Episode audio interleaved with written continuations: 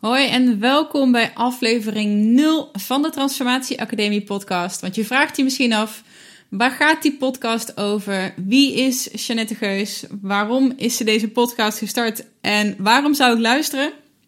Nou, dat wordt allemaal duidelijk in deze aflevering. En ik, uh, ik interview niet mezelf uiteraard, maar ik heb Michel Vos gevraagd om uh, mij wat vragen te stellen. Het is een heel erg tof gesprek geworden, uh, langer dan verwacht ook. En we gaan ook behoorlijk de diepte in dus uh, ja, het is een hele persoonlijke aflevering waarin je in ieder geval veel over mij en over mijn motivatie om dit te doen leert. En ook over mijn eigen transformatie.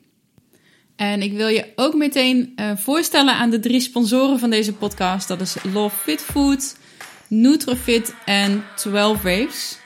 Uh, voor nu wens ik je alvast heel veel luisterplezier en ik hoor je graag bij de volgende aflevering.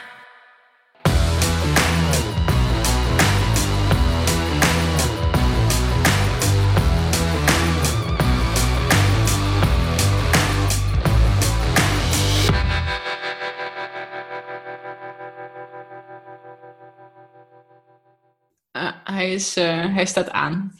Mooi. Nou, dat je zo na twee uur later echt zo, oh. Oh ja, alles weg.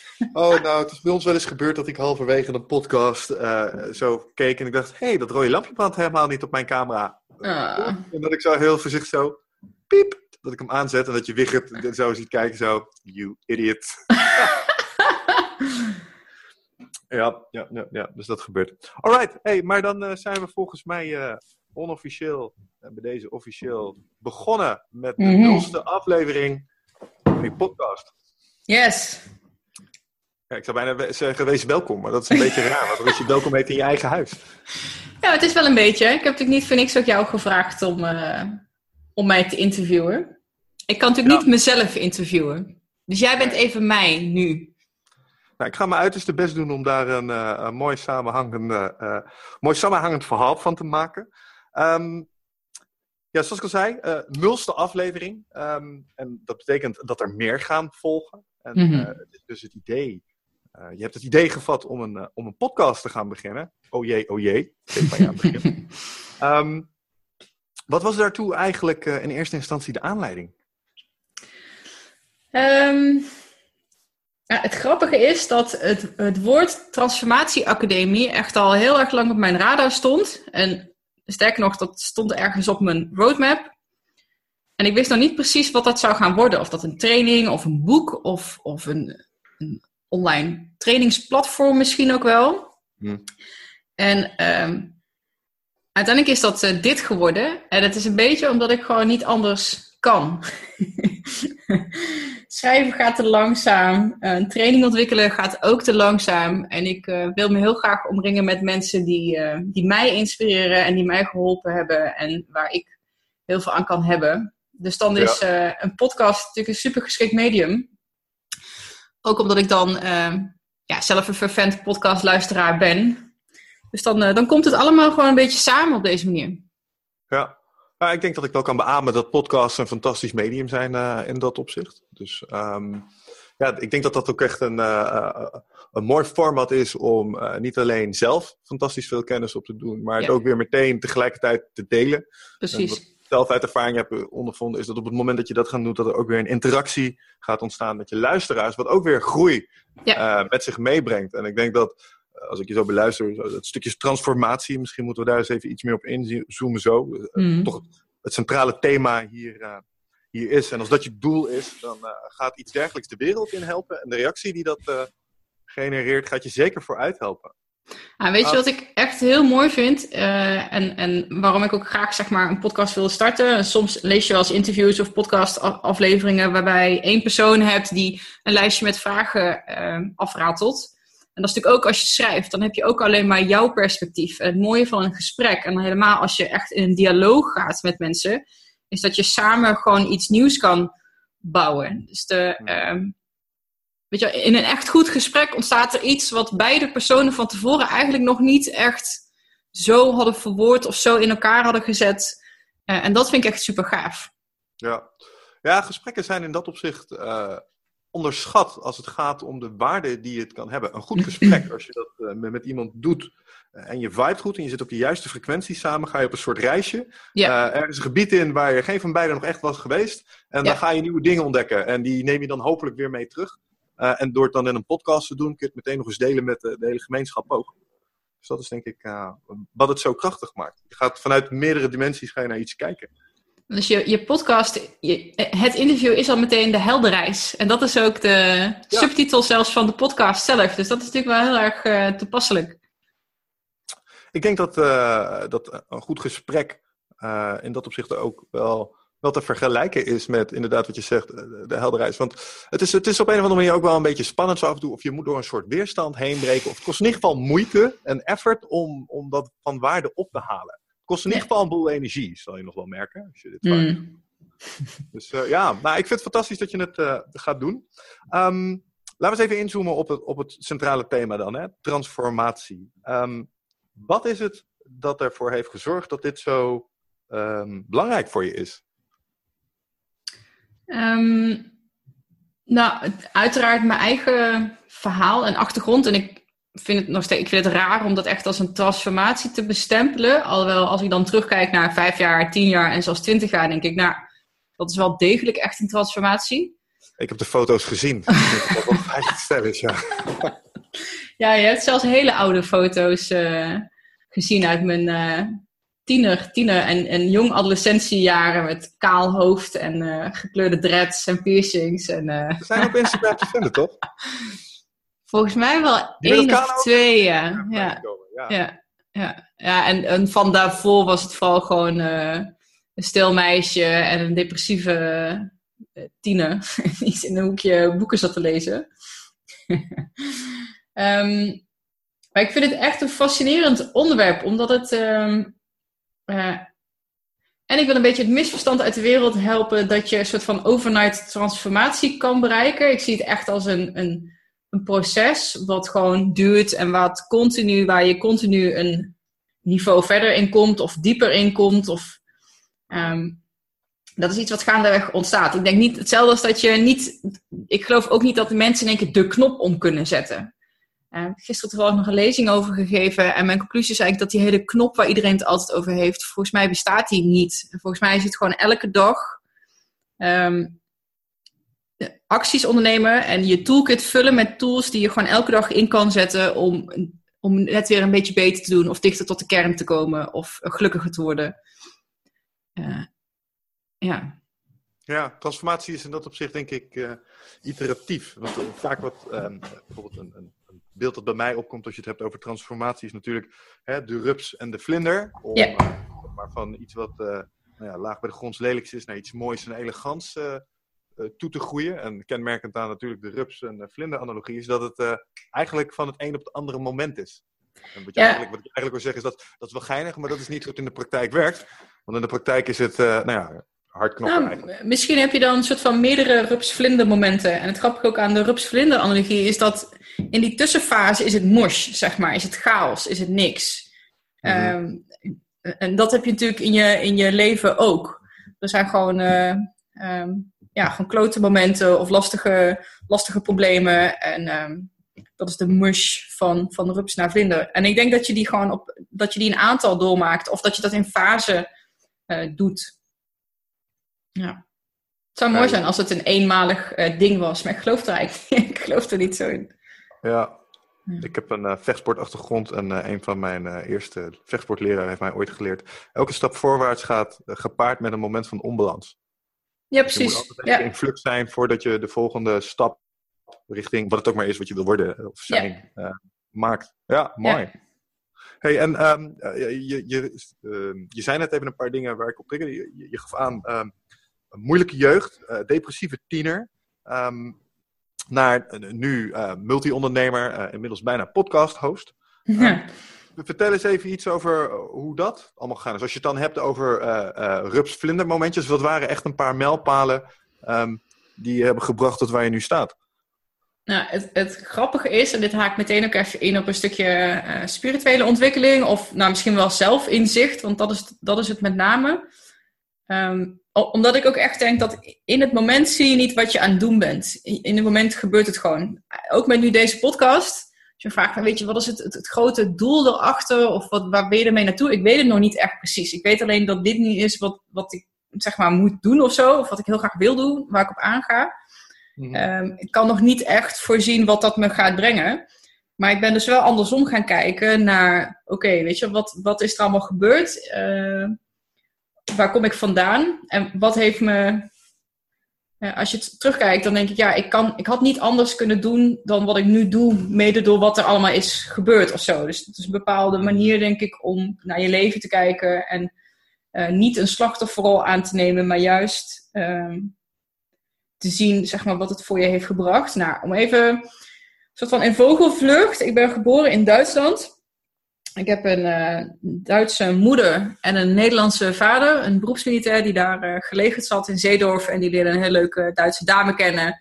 En uh, nou, zoals dat dan gaat, maken die kinderen. ik was 4,5 en mijn broertje 2. Toen verhuisden wij naar Tilburg. En zoals ik het zelf een beetje zie nu, en ik heb er laatst ook een gesprek met mijn moeder over gehad uh, was ik een beetje de weg kwijt. Ik denk dat dat best wel een formatieve periode is, een formatieve leeftijd. En dan in één keer zo uit je, ja, met wortel en al, zeg maar, uit de grond worden getrokken om ergens anders neer te planten. Dat is volgens mij, uh, heeft mij dat best wel veel gedaan. Ja, snap ik. En um, um, daarnaast was ik dan natuurlijk Duits. En ik, ik ben wel meteen in Nederland naar de uh, kleuterklas gegaan. Dus ik sprak natuurlijk al wel Duits.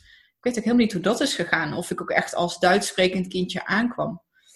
Nou, doet er verder ook niet toe. Mijn broertje bijvoorbeeld heeft daar heel veel last van gehad. Die heeft het eerste half jaar of zo alleen maar naar dingen... Die zat net in de periode dat hij deed praten.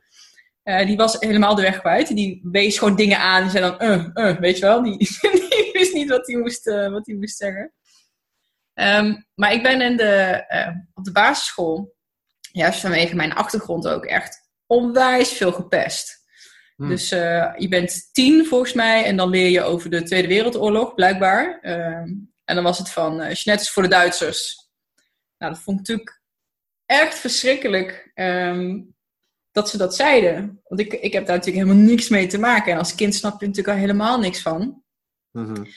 En um, ik heb, daar heb ik nooit goed op gereageerd, denk ik. Of de rol die ik me toe. Ik ben in mijn schulp gaan kruipen. Dus ik ben niet voor mezelf opgekomen op dat moment. Dus dan neem je een beetje dat stigma van pispaaltje of, of nou, whatever. Uh, neem je mee. Dus dat heeft heel lang geduurd. Ik, ik dat heb ik meegenomen na de middelbare school. Dus ik ben ook de eerste paar jaar van de middelbare school ook heel veel gepest. Ik was gewoon een beetje anders. Ja. Een, beetje een, een beetje een Einzelganger ook. Ik uh, had een, een gek kapsel met zo scheef geknipt aan de achterkant. En een opvallende jas, weet je wel. Ik had wel een persoonlijkheidje. Ik uh, werd ook echt op de basisschool door een van die juffrouwen ook echt... Ik weet nog dat er in zo'n schriftje stond van, uh, weet je wel, brutaal of zo. Maar wel leuk. dus dus niet, niet vervelend brutaal, maar wel gewoon iemand met een uh, ja, gewoon aanwezigheid. Een wijsneus noemen we dat. Ja. ja. Nee, maar dat is het wel. Dat is het wel. Een wijsneus die weinig aansluiting vond. Ja. Kids zijn echt uh, ongenadig in dat opzicht. Ja. Ja, ja dat uh, herkenbaar. Oké. Nou, dat heeft zich geëvalueerd in middelbare school. Um, ja, ik ben onwijs gaan rebelleren daar. Dus vooral in de laatste twee jaar, ik was er nooit. Ik, uh, er waren van die hele populaire uh, kids en die spijbelden dan heel veel om hele stoere, populaire dingen te gaan doen. Hmm. En ik spijbelde gewoon omdat ik niet op school wilde zijn. En ik vond de lessen stom en duurde allemaal lang. En tijdens mijn universitaire studie ook, weet je wel, colleges zijn saai en het gaat traag. En geef mij maar gewoon een boek, dat lees ik dan zelf wel. En dan maak ik zo'n examen en dan gaat dat goed. En uh, dat heb ik altijd heel goed gekunnen. Ik heb altijd hele goede cijfers gehaald, ik kan goed leren. Ik heb ook dan wel de, de discipline om die boeken dan te lezen. Want ik vind lezen sowieso wel leuk. Dus ik, ik was er gewoon niet. Ik ben uh, onwijs uh, mijn kont tegen de kribben aangegooid. Ze zoeken het er allemaal maar uit. Mhm. Ehm, ja, en dat heb ik wel een tijdje volgehouden ook, die houding. ja. Ja. Zullen we dan daar... de middelbare school toch gaan doen? Zullen we daar ook maar meteen op induiken dan? Ja. ik, um, was ik 18 of zo? Nee, ik, ik, ik ben gaan, enorm gaan experimenteren met drugs. En ik heb dat tien jaar lang best wel intens gedaan. dat zo maar even te zeggen. Ik heb op mijn vijf... ja. Ik, wel, ik heb op mijn vijftiende, toen waren mijn ouders een keer, was ik alleen thuis een weekend, heb ik voor de eerste keer cocaïne op. Oké. Ehm, en op mijn veertiende ben ik ook begonnen met roken. En daarna, dat was een eenmalig dingetje, zeg maar. Maar toen had ik al zoiets van, oh, wat is dat? Laat zien, weet je wel. Hartstikke geïntrigeerd. Van, uh, ja hoor, tuurlijk wil ik dat wel uh, proberen. En um, ik ben op mijn zeventiende, denk ik, weet niet wanneer ik ben begonnen met blowen. Dat zou ook 15 of 16 zijn geweest, vast. Vrij kort na het stoppen, beginnen met roken. En uh, dat is een beetje zo geëvalueerd vanaf mijn achttiende naar ecstasy, um, MDMA, cocaïne, eigenlijk alles wat er zo'n beetje was, met een grote voorkeur voor MDMA-achtige substanties. Aha. En dat heb ik uh, vrij lang volgehouden. En dat is uiteindelijk ook geëvolueerd naar, naar een iets te fanatiek uh, cocaïnegebruik.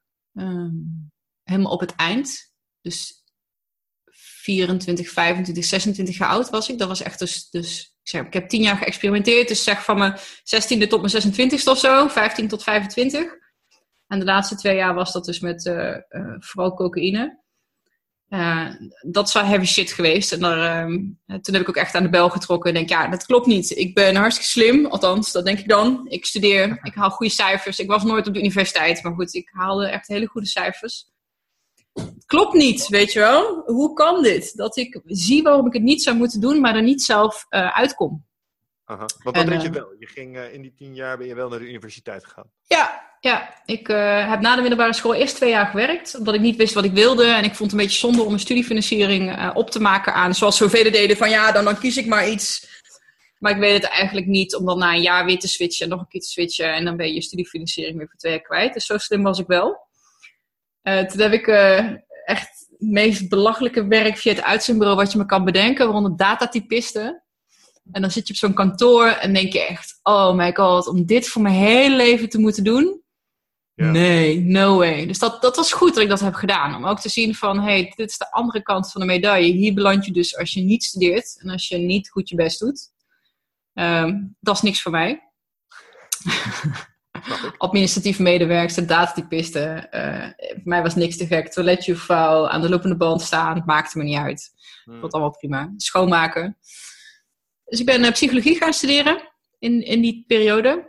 Uh, omdat ik wel echt wel die fascinatie voor de menselijke psyche had. En ja, terugkijken natuurlijk op mijn pestverleden. En gewoon, ik was in die periode dat ik gepest werd. En dat, verder na ook wel echt wel veel depressief ook. Wat, me niet, wat niet heel erg onlogisch is natuurlijk. Um, maar ik wilde nooit therapeut worden. Dat, dat vind ik eng. Ik denk, ja, dan komt iemand op je bank liggen en dan begint hij zijn verhaal te vertellen. En die moet jij dan helpen. Ja, maar wat nou als ik die persoon niet kan helpen of iets verkeerd zeg? Dus ik heb een uh, richting gekozen richting uh, sociale psychologie, uh, godsdienst en cultuurpsychologie. Dus dat was één richting. En daarna heb ik een research master gedaan. Dus een, een traject voor een soort van high potentials die graag wilden gaan promoveren. Die konden dan een tweejarige master doen. echt specifiek gericht op het doel van wetenschappelijk onderzoek. En zware statistische vakken ook, ja. Dus je bent statistisch redelijk onderlegd. Hè? Ik heb statistiekles gegeven zelfs, ja. Holy shit. Wist je dat niet? Alle voor op het HBO. Ik ben zo tegen wiskunde. ja, nee, ik vond dat uh, in mijn eerste jaar psychologie. Uh, ik haalde echt, ja, en dan met goede cijfers bedoel ik echt 9 halve en zo, hè. Dus uh, net geen hmm. tienen. Volgens mij ook zelfs wel een keer een tien. Geen idee hoe dat kan, maar. Um, en toen zochten ze studentenassistenten. Dus als je in de tweede zit, dan mag je dus studenten, dan mag je werkgroepen begeleiden van eerstejaars statistiek bijvoorbeeld. Dus de, de statistiekdocent die had een groepje meiden, heel toevallig. Ik denk het niet. Uh, die heel goed waren en die deden dan zijn werkgroepen begeleiden. En dat was best wel een leuk salaris ook. Ik vond het een hele toffe manier om wat geld bij te verdienen. Dus ik ben daar een beetje in blijven hangen in die statistiekmodus. Ik vond het echt heel leuk. Dus ik heb dat heel lang gedaan, ja. Ja, grappig. is niet de eerste link die je verwacht tussen uh, overigens uh, die opleidingsrichting en statistiek. Is Psychologie is heel veel statistiek. Ja. Echt, en daar gaan ik heel veel eerstejaars studenten echt op stuk. Waarom is dat? Nou, omdat uh, als je het hebt over psychologisch onderzoek, uh, wat je een, kijk, een universitaire studie, dat moet natuurlijk uh, academisch wetenschappelijk onderlegd zijn.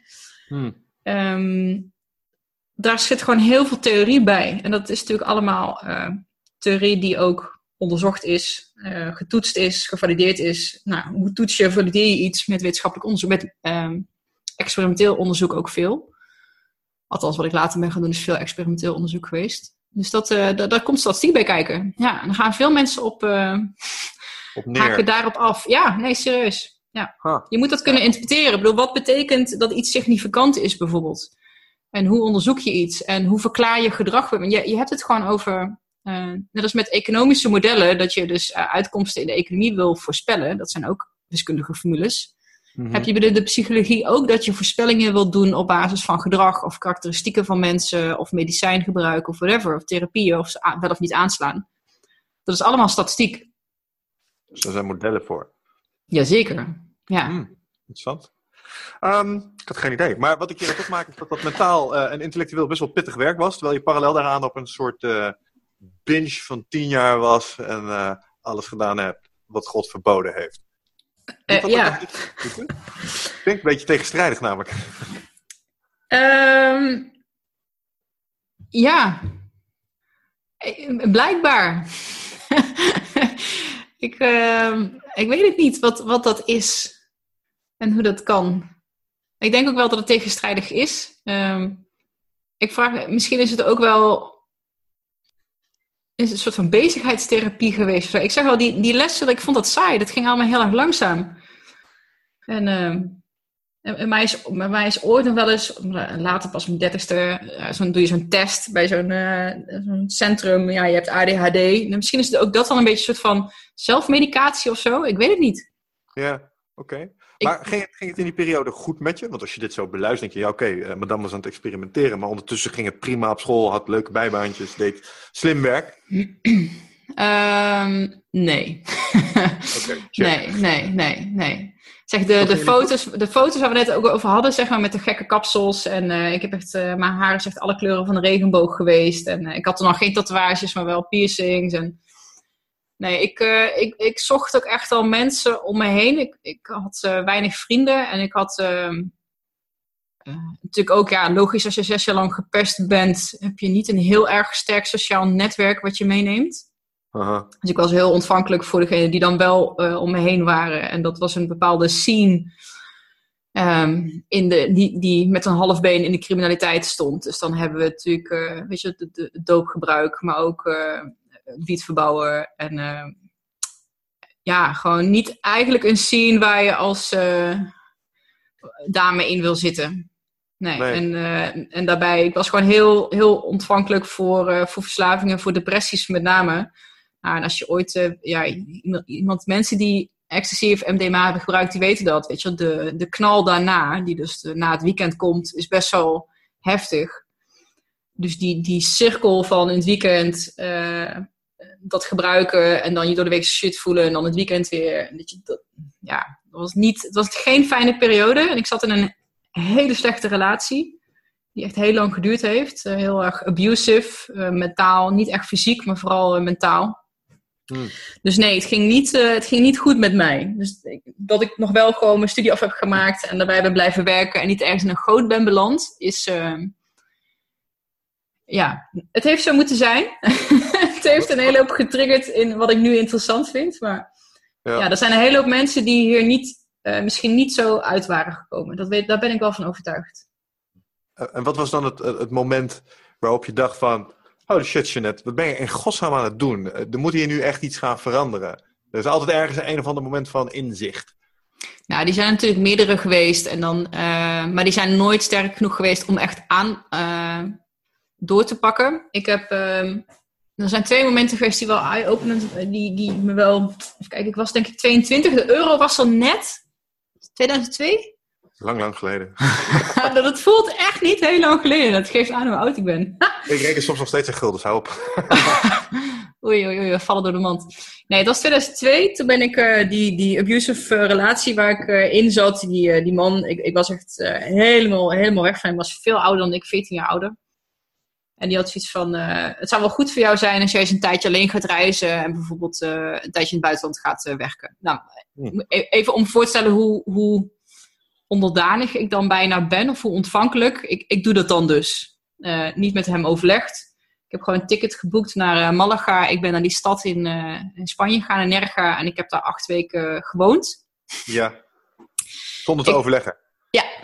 Ik, okay. mijn vrienden wisten het wel hoor. Maar ik, waarschijnlijk was ik ook net weer in een, in een... Het was een soort van knipperlichtrelatie dat we even geen contact hadden of zo. Ik weet het niet eens precies. Maar ik ben er gewoon heen gegaan. Ik had wel geteld. Als ik dan terugkijk, dan denk ik, hoe dan? Oh, mijn ouders, die zullen zich... Ach, oh, maar god, wat die hebben moeten doorstaan. Ik had 300 euro voor acht weken. Ah, makkie. ja, ja, zo naïef uh, was ik. Ik heb het overleefd. Ja, dat blijkt. Maar wat, uh, je bent daar gewoon aan het werk gegaan of zo? Ja, ik ben daar gewoon naartoe gegaan in mei. En een stuk hartstikke voorseizoen. Dus er niks te beleven in mei qua toeristen. En ik ben gewoon alle kroegen afgegaan. Van ja, Busco Trabajo, ik zoek werk.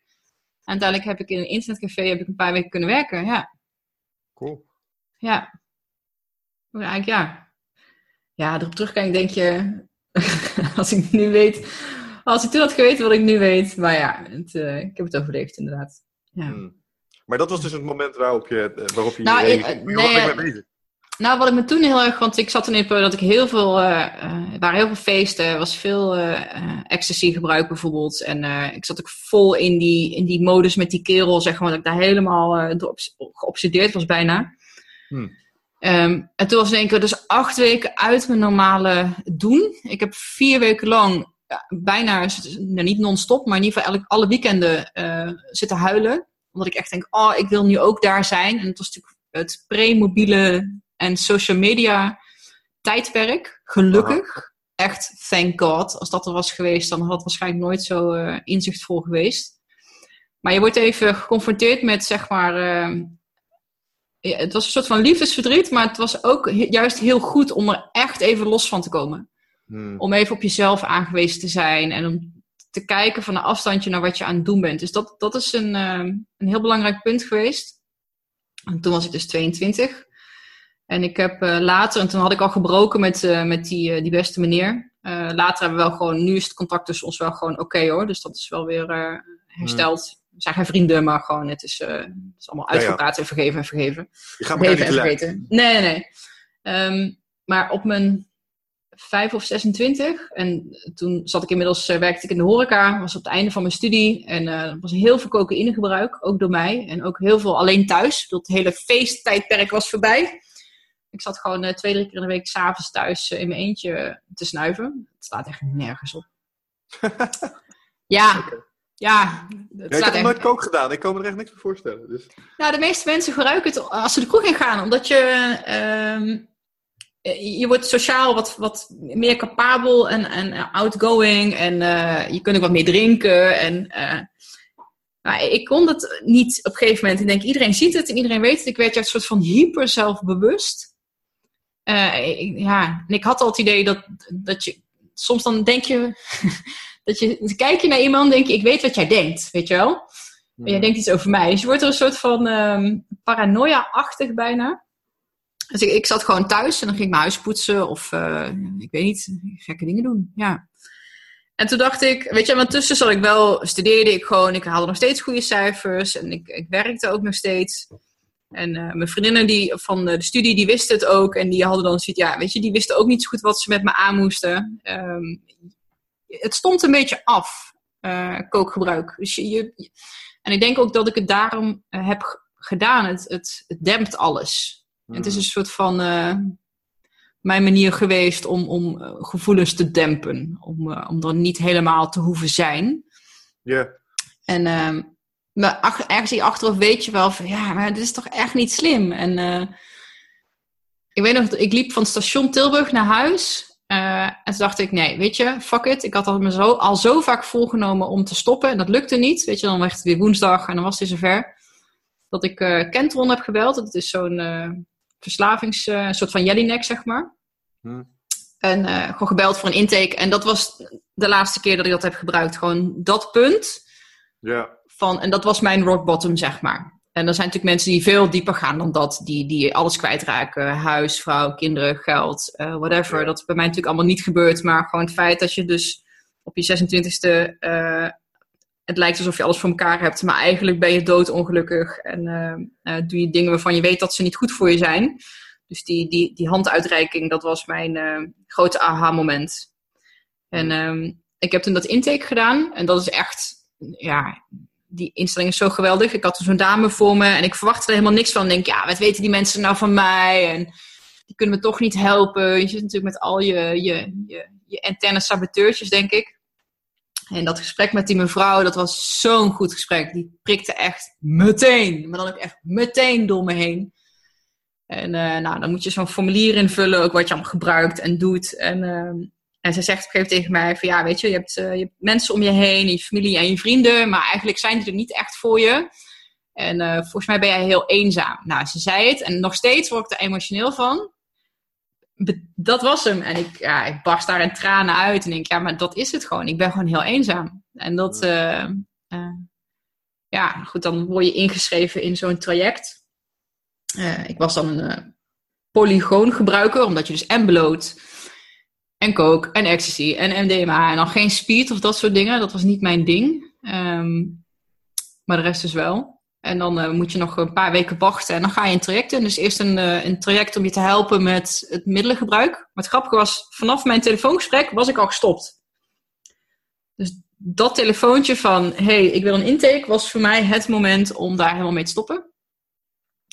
Dus ik heb daar uh, dat traject doorlopen, dat was een paar maanden, zo'n training gedaan en daarna een groepstherapie gehad. Ik denk dat ik in totaal een half jaar of zo daar ben geweest. En dat was wel bijzonder om te zien ook. Nee, nee, nee, je mag dan gewoon één keer in de week, uh, krijg je gewoon een soort van uh, kringgesprek. Ja, oké, oké. Ja.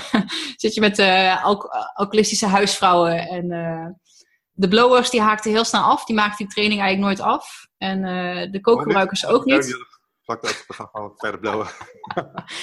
nou ja, dat is ook een hele moeilijke verslaving namelijk. Oké. En alcohol ook. Kijk, cocaïne, dat, dat is ook niet sociaal geaccepteerd. Drinken wel. Ja. roken ook.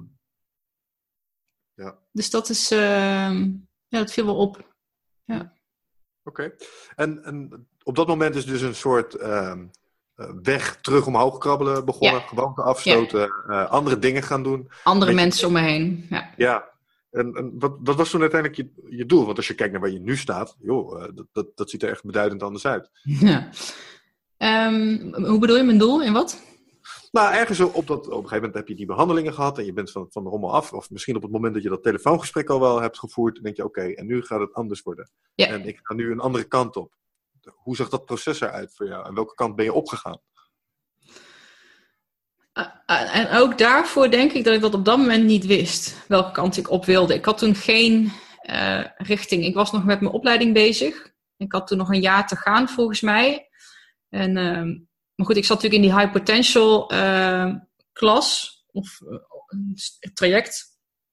En ik had er wel zoiets van ja, die academische wereld. Ik, denk dat ik een onwijze bewijsdrang had ook om te laten zien uh, wat ik wel kon.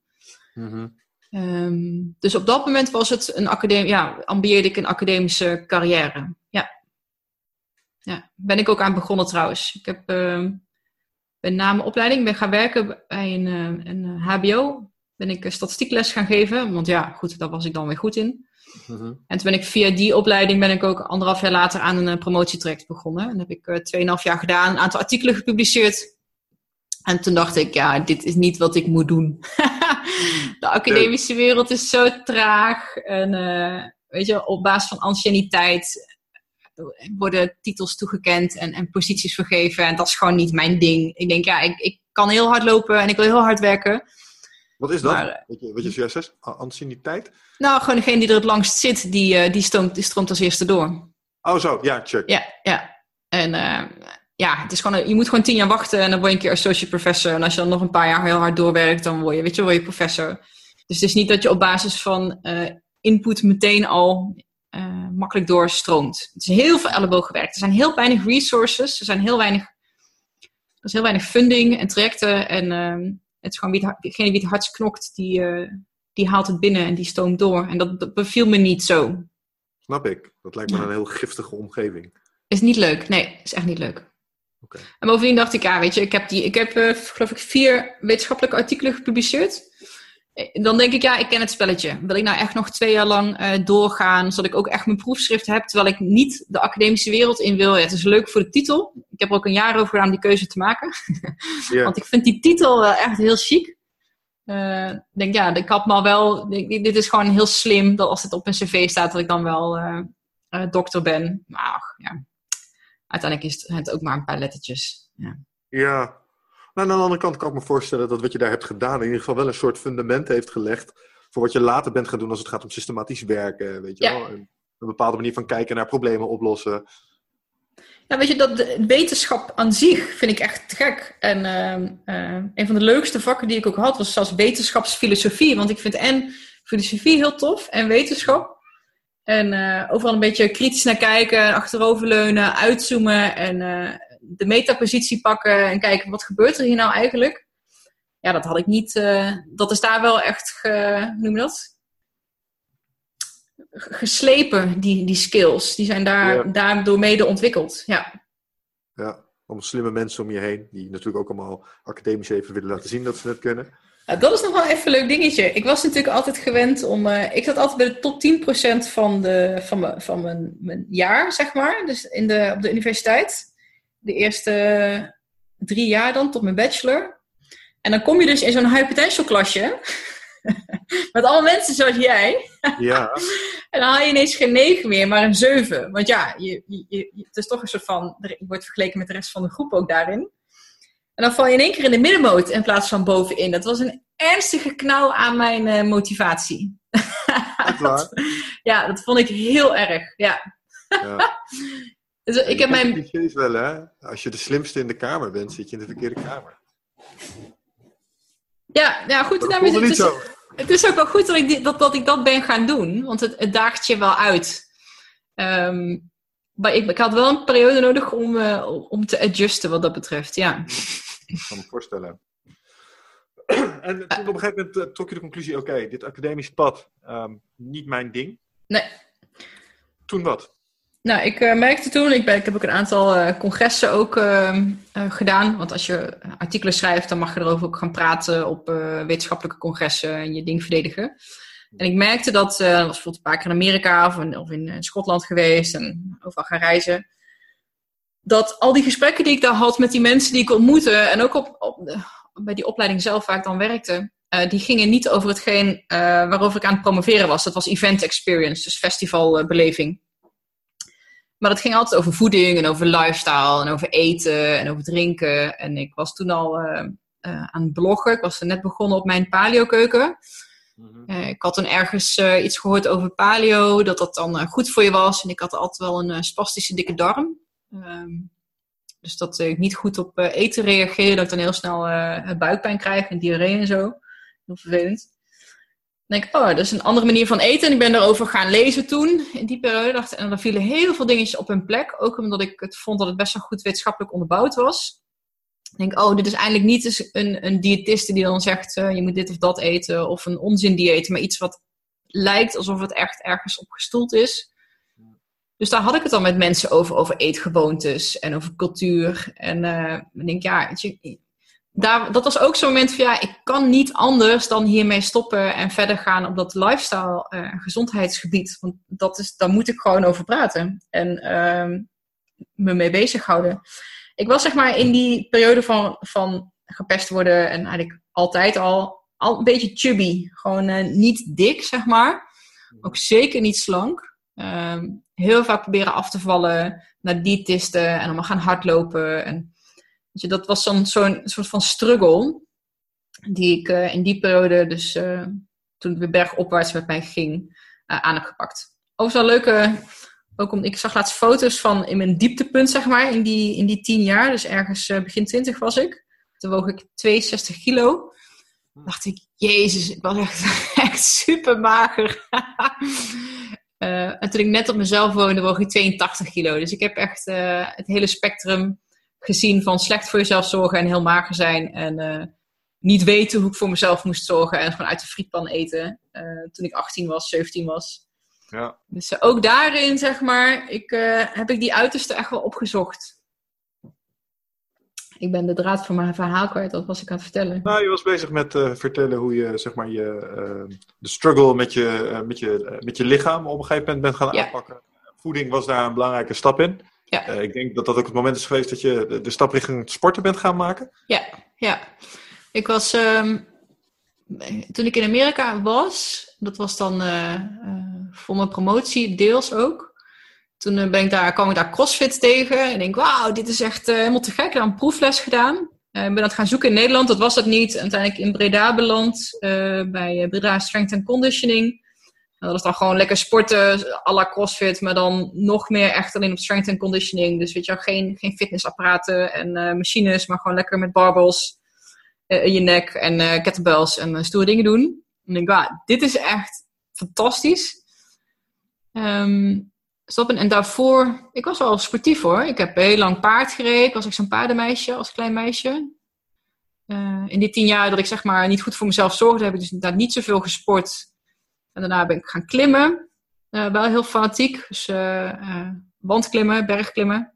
Ah, oké, ja. Ja. En ehm, vanaf mijn 6, 27 of zo dan ja, strength and conditioning en later de kettlebells. Dus dat sportieve, dat zat er altijd wel in. Ik vond het wel leuk ik denk ook echt dat het een, een uitlaatklep voor me is en was, en nog steeds is. Mm Ja. Ja, maar deze keer was het verschil, denk ik, dat je gericht ging trainen met, met het doel om uh, zeg maar, je lichaamstype aan te passen? Of was dat, was dat minder de drijfveer? Ah, nou kijk, in die tijd dat ik dan ging hardlopen en uh, vond dat ik op mijn eten moest letten, was ik echt heel erg bezig met de buitenkant. Want ik vond mezelf niet mooi.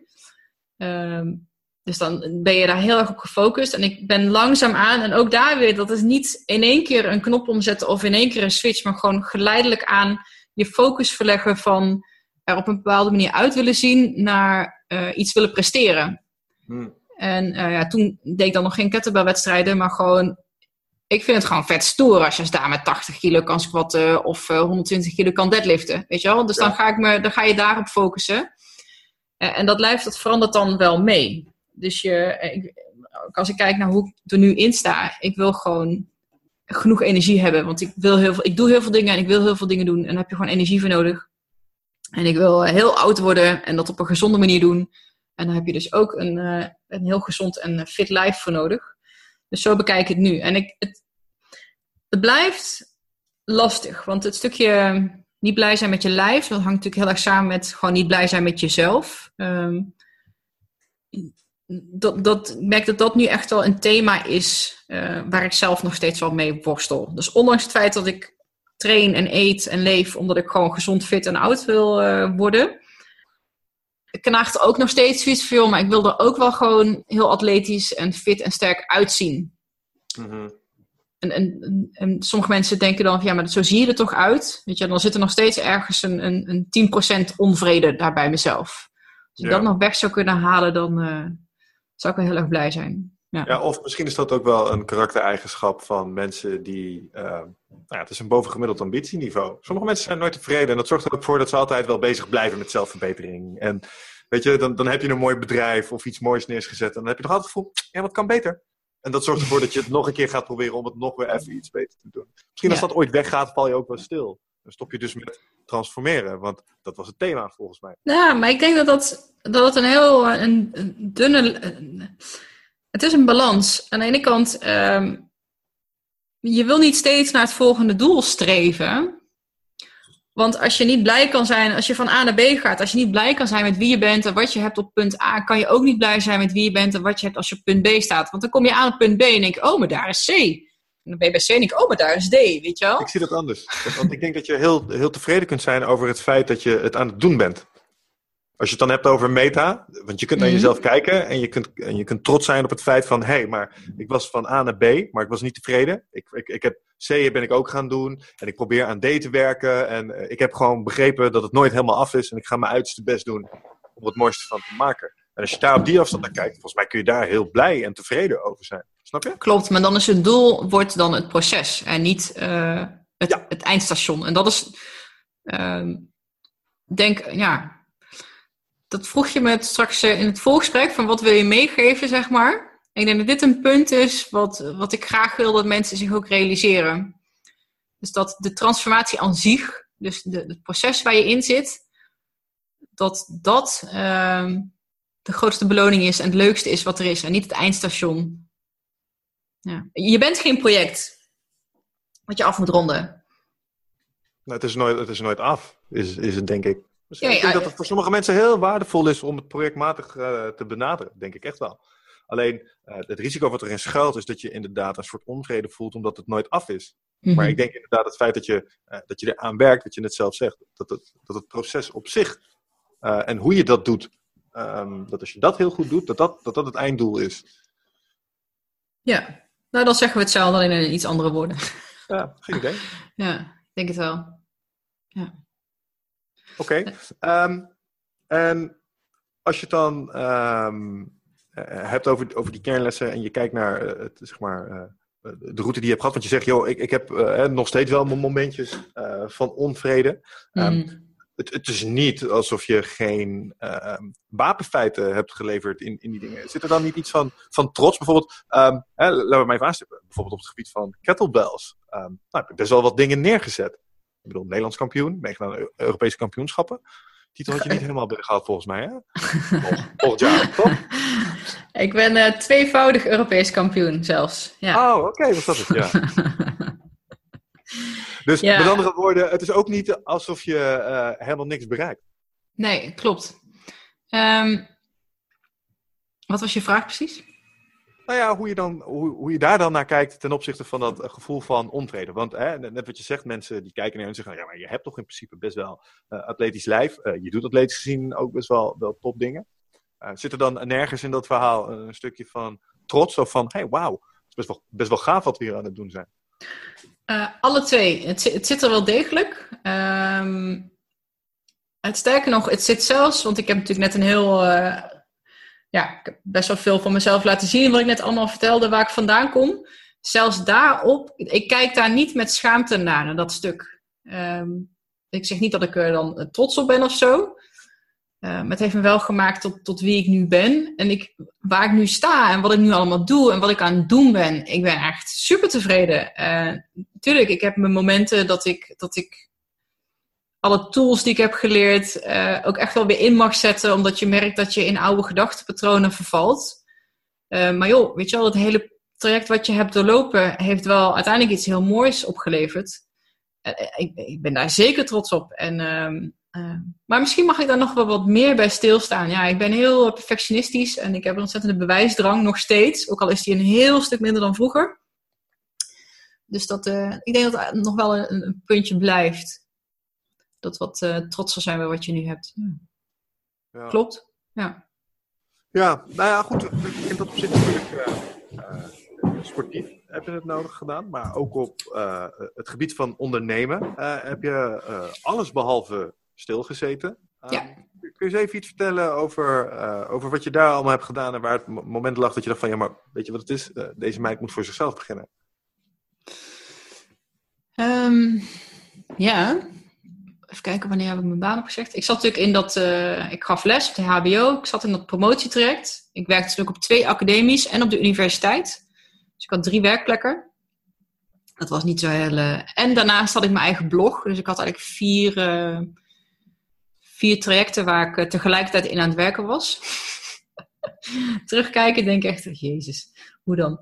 Maar um, uh, je merkt gewoon dat mijn eigen ding doen, dat trok gewoon veel harder. Dus ik uh, heb uiteindelijk toen met, met de financiële steun van de relatie waar ik toen in zat, ik woonde toen samen, besloten van, hé, hey, weet je, ik ga minder werken omdat ik me wil focussen op, uh, op Love Fit Food.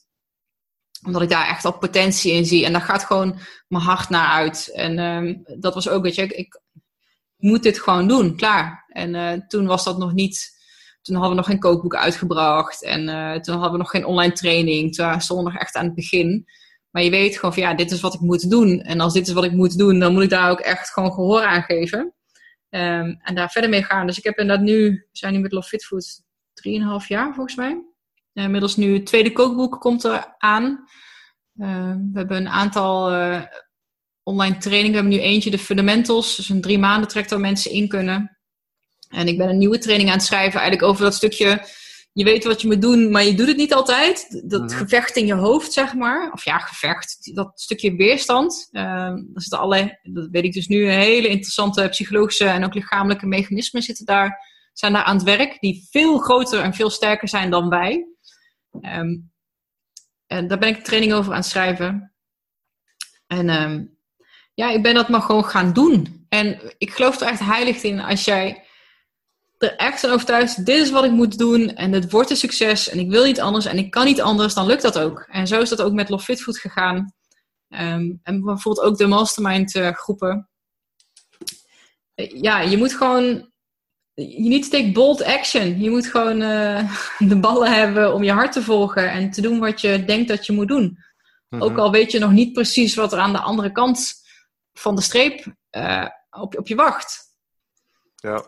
En wat ik gewoon heel gaaf vind in dit proces, op het moment. Ik zie het zeg maar zo. Je, je, je wordt continu door het universum, als je het dan zo wil noemen, krijg je duwtjes en stootjes en trekjes. En uh, dat je denkt van, oh, hier word ik blij van. Of daar krijg ik geen energie van. Dus dat zijn allemaal tekenen van, hey, waar moet je naartoe? En je kun je daar heel erg tegen verzetten. Je kun je hakken in het zand zetten en zeggen, nee, maar uh, tien jaar geleden dacht ik dat ik dit moest doen, of mijn ouders wachten zus of zo, of mijn partner die vindt eigenlijk dat ik dit moet doen, of ik heb zelf een beeld. Weet je, wel, je kan je dus verzetten tegen de, de, de ja, de, de, clues of zo die je, die je, die je krijgt. Mm Met als gevolg dat denk ik heel veel mensen doodongelukkig zijn, of in een burn-out belanden, of uh, in een midlife crisis, of op sterfbed liggen en denken, ja, had ik het maar anders gedaan. Uh, terwijl als je merkt, als je dan een keer toegeeft aan zo'n duwtje of zo'n stootje en je zet die stap, dat je dan in één keer een soort van stroomversnelling uh, gaat. De dag dat ik mijn huis te koop zette, uh, dat is natuurlijk een hele enge stap die ik echt niet wilde, maar die wel moest. Uh, omdat ik het financieel niet redde. Want de jongen die mij toen hielp met mijn minder gaan werken en mijn eigen bedrijf verbouwen, die relatie ging uit. Dus zat ik in een veel te duur huis. Weet je, dus wat ga je dan doen? Ga je dan weer terug voor een baas? Of ga je toch aan je eigen bedrijf blijven bouwen? En op een gegeven moment dan, ja, dan maar mijn huis verkopen.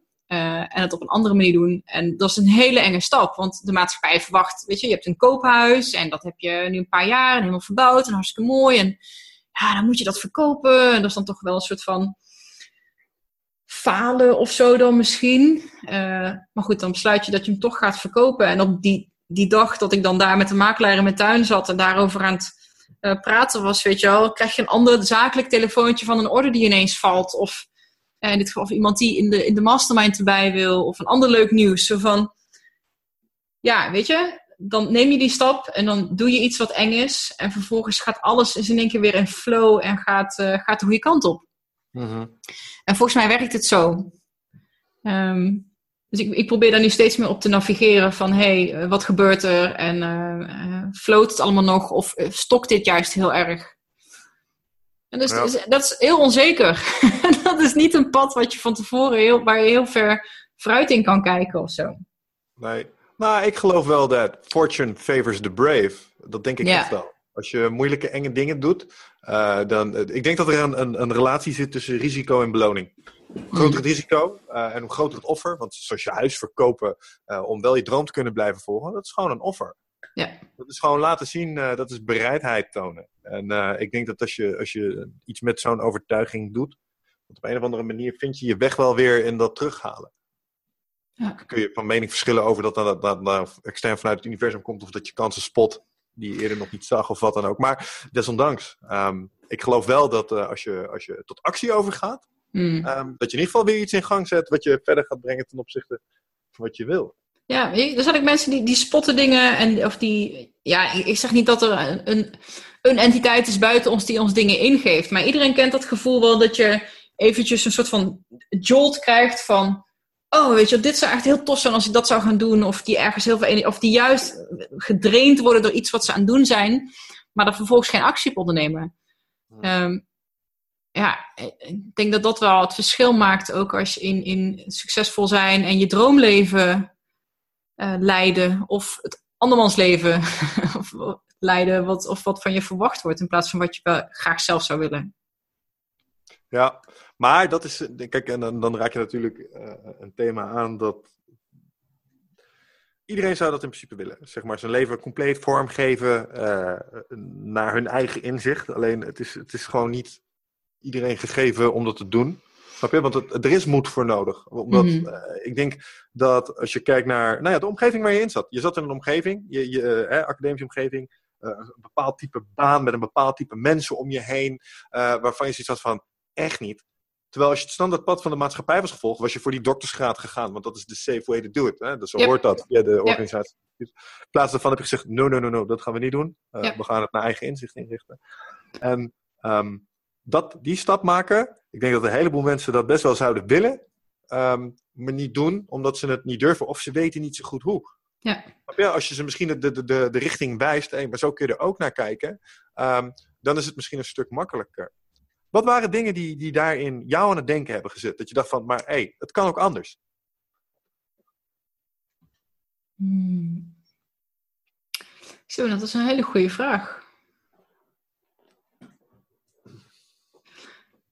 Het was denk ik in mijn geval meer dat ik wist dat het. Ja, en ook weer hier hetzelfde thema. Ik, ik zag niet precies wat er aan de andere kant stond, waar ik daar wel naartoe moest, maar wel dat dit niet the way to go is.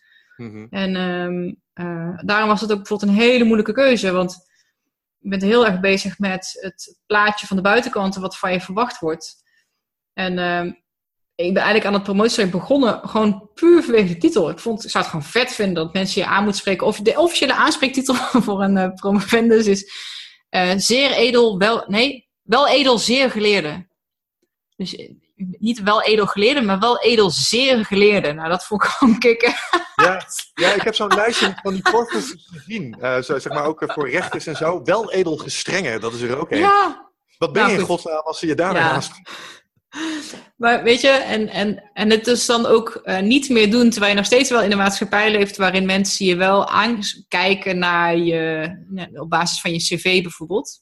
Mm um, ja, dat was gewoon een, een, lastige keuze. Ik denk, misschien waren het ook wel, ik weet, ik zit te denken of ik toen al, of er toen al bepaalde boeken waren of uh, die ik las of mensen die ik volgde die lieten zien dat je, uh, ook als je niet je middelbare school zelfs maar afmaakt, of weet je, dat dat niet, die, die twee niet gecorreleerd hoeven zijn. Dus uh, ja. hoge opleiding gecorreleerd aan succesvol. Maar dat, dat kwam pas later eigenlijk, dat ik die nog meer ben gaan zien ook. Ja. Ja.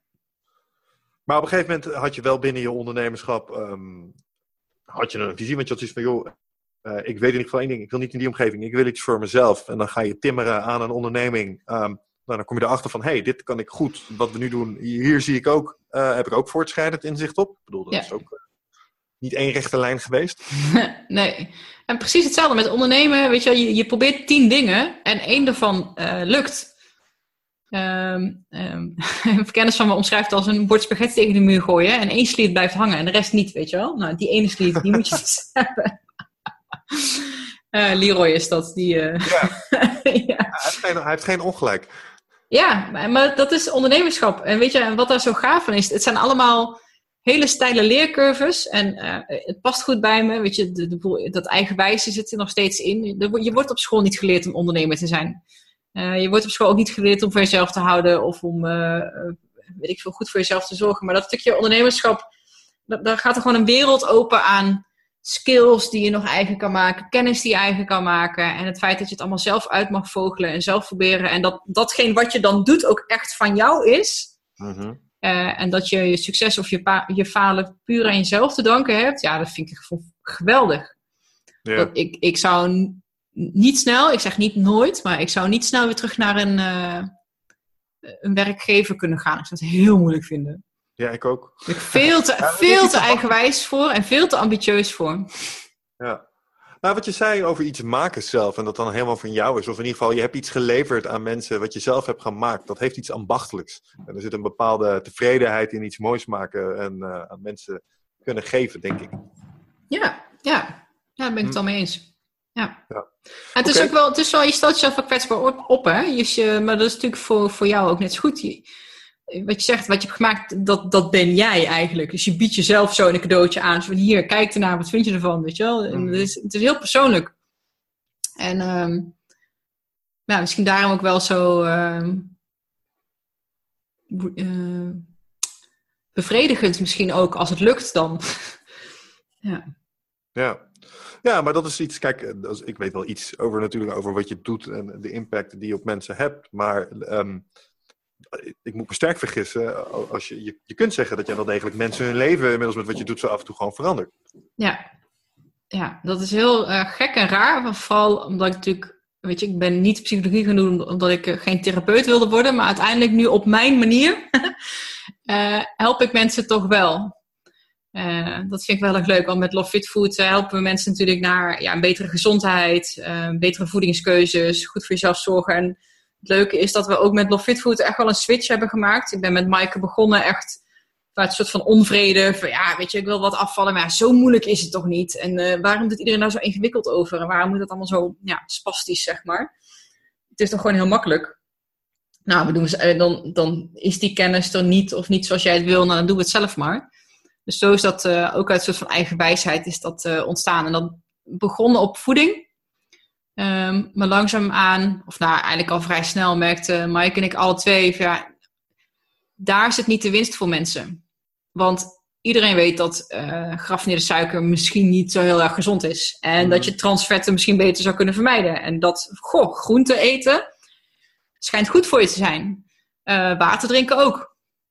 Dus ik denk dat dat uh, weet je, daar voeg je heel weinig nieuws toe, gelukkig maar. Er is wel heel veel bullshit en heel veel uh, ja, mensen die graag geld aan je willen verdienen. Um, maar de feitelijke kennis is iets moeilijk, die, die hebben wij allemaal. Er zit een heel groot stuk mindset achter en habits en um, ja, mensen faciliteren om, om ja, een leuker leven te hebben misschien wel. Dus daar, daar zijn we nu, um, daar zitten we nu vol in, in die switch, dat het meer het is veel meer dan alleen voeding. Het is veel meer dan alleen de buitenkant. Als je echt wil transformeren en mensen wil bereiken en helpen, weet je, die shift die komt van binnenuit. Mm Ja.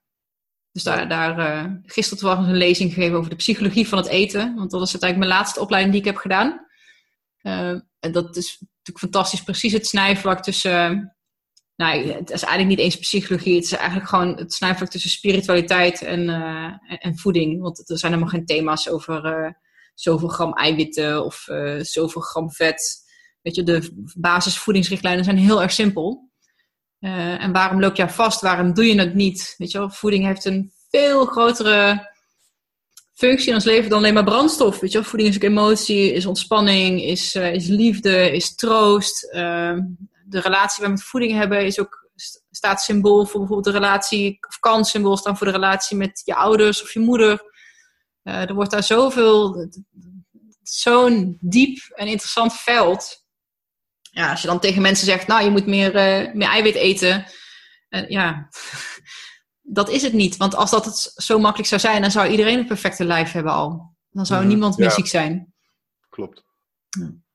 Ja, gedrag aanpassen, hè? patronen doorbreken. Dat is in principe waar je het gewoon over hebt. En bij voeding is het zo uh, lekker duidelijk of het lukt of niet, omdat het resultaat gewoon zo in je face is. Ja. Of je droogt op uh, of niet. En, uh, vaak, vaak zit het hem inderdaad niet in de kennis, maar zit hem in het toepassen van de kennis. Ja. Nou, moet ik heel eerlijk zeggen, en um, um, dat overviel me gisteren ook een beetje in de lezing. Um, ik had die voorbereid, maar ik stond daar en ik trapte hem heel anders af dan ik had gepland. Dat kwam er ineens uit. Maar het is wel iets waar ik een beetje mee zit. Ik voel me soms wel een beetje een fraudeur of zo. Hmm. Zo van ja, weet je, uh, ik heb dus een aantal opleidingen gedaan. Ik ben me gaan omscholen op het gebied van voeding. Um, ik heb zoveel kennis. Ik weet zo ontzettend veel. Ik kan anderen daar ook heel goed bij helpen.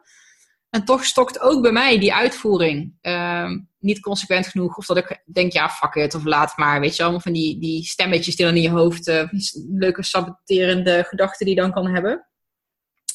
Alleen volgens mij is dat juist omdat het mijn struggle is en omdat me dat zo boeit, dat verschil tussen weten en doen. En echt al heel erg lang, dus uh, van nu, maar dus ook dus de afgelopen twintig jaar. Is het juist ook hetgene waarover ik met mensen wil praten. Um, ja, dat is uh, gewoon een pleister op je eigen tekortkomingen. Ja. Ik bedoel, de dag dat je begint lesgeven is de dag dat je nooit meer stopt met leren, is mij ooit verteld. Hmm. Want ik heb ditzelfde ooit ook een keer uitgesproken tegen iemand en die zei me dat. Hij zei, ja, en uh, het grote voordeel dat jij nu hebt is omdat je uh, dit tegen mensen vertelt, jezelf er regelmatig aan herinnert. en daardoor zul je waarschijnlijk wel, naar wel naar gaan handelen. En dat het soms een dag niet zo is, dat maakt niet uit. Ja, ja. Nou, weet je, en wat, ik, uh, wat ook dan een reden is geweest, bijvoorbeeld uh, voor deze, om deze podcast te starten. Um, nou, de afgelopen tien jaar natuurlijk best wel mezelf aan het sleutelen geweest. En weet je, die nieuwsgierigheid en die energie en dat uh, een stukje eigen wijsheid, zeg maar, me ergens in vastbijten. Weet je, dat, dat is denk ik wel uit het verhaal naar voren gekomen dat ik dat wel kan. Um, en als je kijkt naar hoe je naar de wereld kijkt, ik merk dat bijvoorbeeld de Stoïcijnen en de Boeddhisten mij uh, ontzettend beïnvloed hebben. En de Hero's Journey bijvoorbeeld daar een uh, voorbeeld van is. Weet je, we hebben allemaal tegenslagen. En uh, ja, als ik kijk naar mijn tegenslag. Ja, ik heb er ook niet voor gekozen om naar Nederland te verhuizen, om gepest te worden. Dat is allemaal gewoon gebeurd. En mm. ik heb een hele rebelse periode gehad. Ja, daar ben ik misschien niet trots op, maar het is wel gewoon oké. Okay. Alleen hoe ga je daarmee om en hoe zet je dat in? Er zijn ook heel veel mensen die, weet je, dan gebeurt er iets of dan komt er iets op hun pad en die gaan in de slachtofferrol en uh, die komen niet in actie. Dat is maar net hoe je naar de wereld kijkt. En uh, dus die, die helder reizen van mensen en ook wat ze daarmee gedaan hebben en hoe ze dat weer positief inzetten, weet je, dat vind ik echt super interessant. En uh, daar ga ik het dus ook met mensen over hebben in de podcast. Wat, wat was jouw dieptepunt? Wat was jouw hoogtepunt? Wie, wie hebben je beïnvloed? Uh, hoe heb je dit aangepakt? Dat waren jouw, jouw pivotal moments. Um, juist omdat ik ze bij mezelf ook zo leuk vind, ook om erover na te denken en om het in perspectief te zetten en er ook weer lering uit te trekken. Ja, ja ik, ben, uh, ik ben zelf ook uh, hoekt aan het helder verhaal. Vind ik dan nog wel even interessant hè, om, het, om Jeannette dan even vanuit dat uh, perspectief te benaderen. Er zijn natuurlijk een soort, hè, voor de mensen die het niet kennen, Vogler heeft er een heel leuk boek over geschreven. Maar je hebt een aantal fases. Um, wat was bij jou echt de call to action? Dat je dacht van oké, okay, maar hier moet ik nu echt iets mee. De, de meest vanuit recente bedoel je? Ja. Je hebt nu een stap gemaakt deze kant op. Dat het, op een gegeven moment is die kogel door de kerk gegaan. Uh, met de podcast bedoel je, of wat? Nou, met dit hele proces, ja. Podcast dan even als laatste uiting daarvan. Um, ik denk dat uh, ja, de, dat telefoontje naar Kentron, dat is nu tien jaar geleden. Ik denk dat dat mijn meest grote doorslaggevende moment was waarop ik ben veranderd. Ja, dat is echt je, je, je epic story, zeg maar. Vanuit... Ja, het moment dat ik de, de handreiking deed. Dus uh, om hulp vroeg. Ja, en toen ben je een heel proces ingegaan. En, en wat, wat typerend is aan het helder verhaal is dat er... Uh, uh, er is altijd wel iets van een schat of een prinses die gered moet worden. En dat er vaak altijd wel even iets onder ogen moet worden gekomen. Wat dan hè, archetypisch in de verhalen de draak is. De dragon, mm. vaak het goud. Um, wat is in jouw verhaallijn in dat opzicht de, de dragon, de big evil? Wat is in de laatste scène, wat is de final fight? Uh, mijn, uh, dat, dat stukje eenzaamheid dat ik al aanstipte. Dus mijn, uh, het gevoel van eigenwaarde, zelfrespect, zelfliefde. en, en het gebrek daaraan, dus de, de gebrek aan zelfrespect of gebrek aan, gebrek aan zelfliefde. Ja, dat is mijn, mijn dragon. Ja, ja, ja daar, daarmee beantwoord je eigenlijk ook al wel wat het, wat het goud ja. voor je, ja. waar je het voor doet. Ja, het is wel grappig hè, want... Um, nu, zeg maar, wat ik nu weet, bijvoorbeeld over drugsgebruik en uh, psychedelische middelen bijvoorbeeld. Maar ook, uh, weet je, MDMA wordt ook, en ook LSD trouwens, wordt ingezet in therapeutische settings. Als ik, zeg maar, terugkijk, ik, mijn tien jaar experimenteren.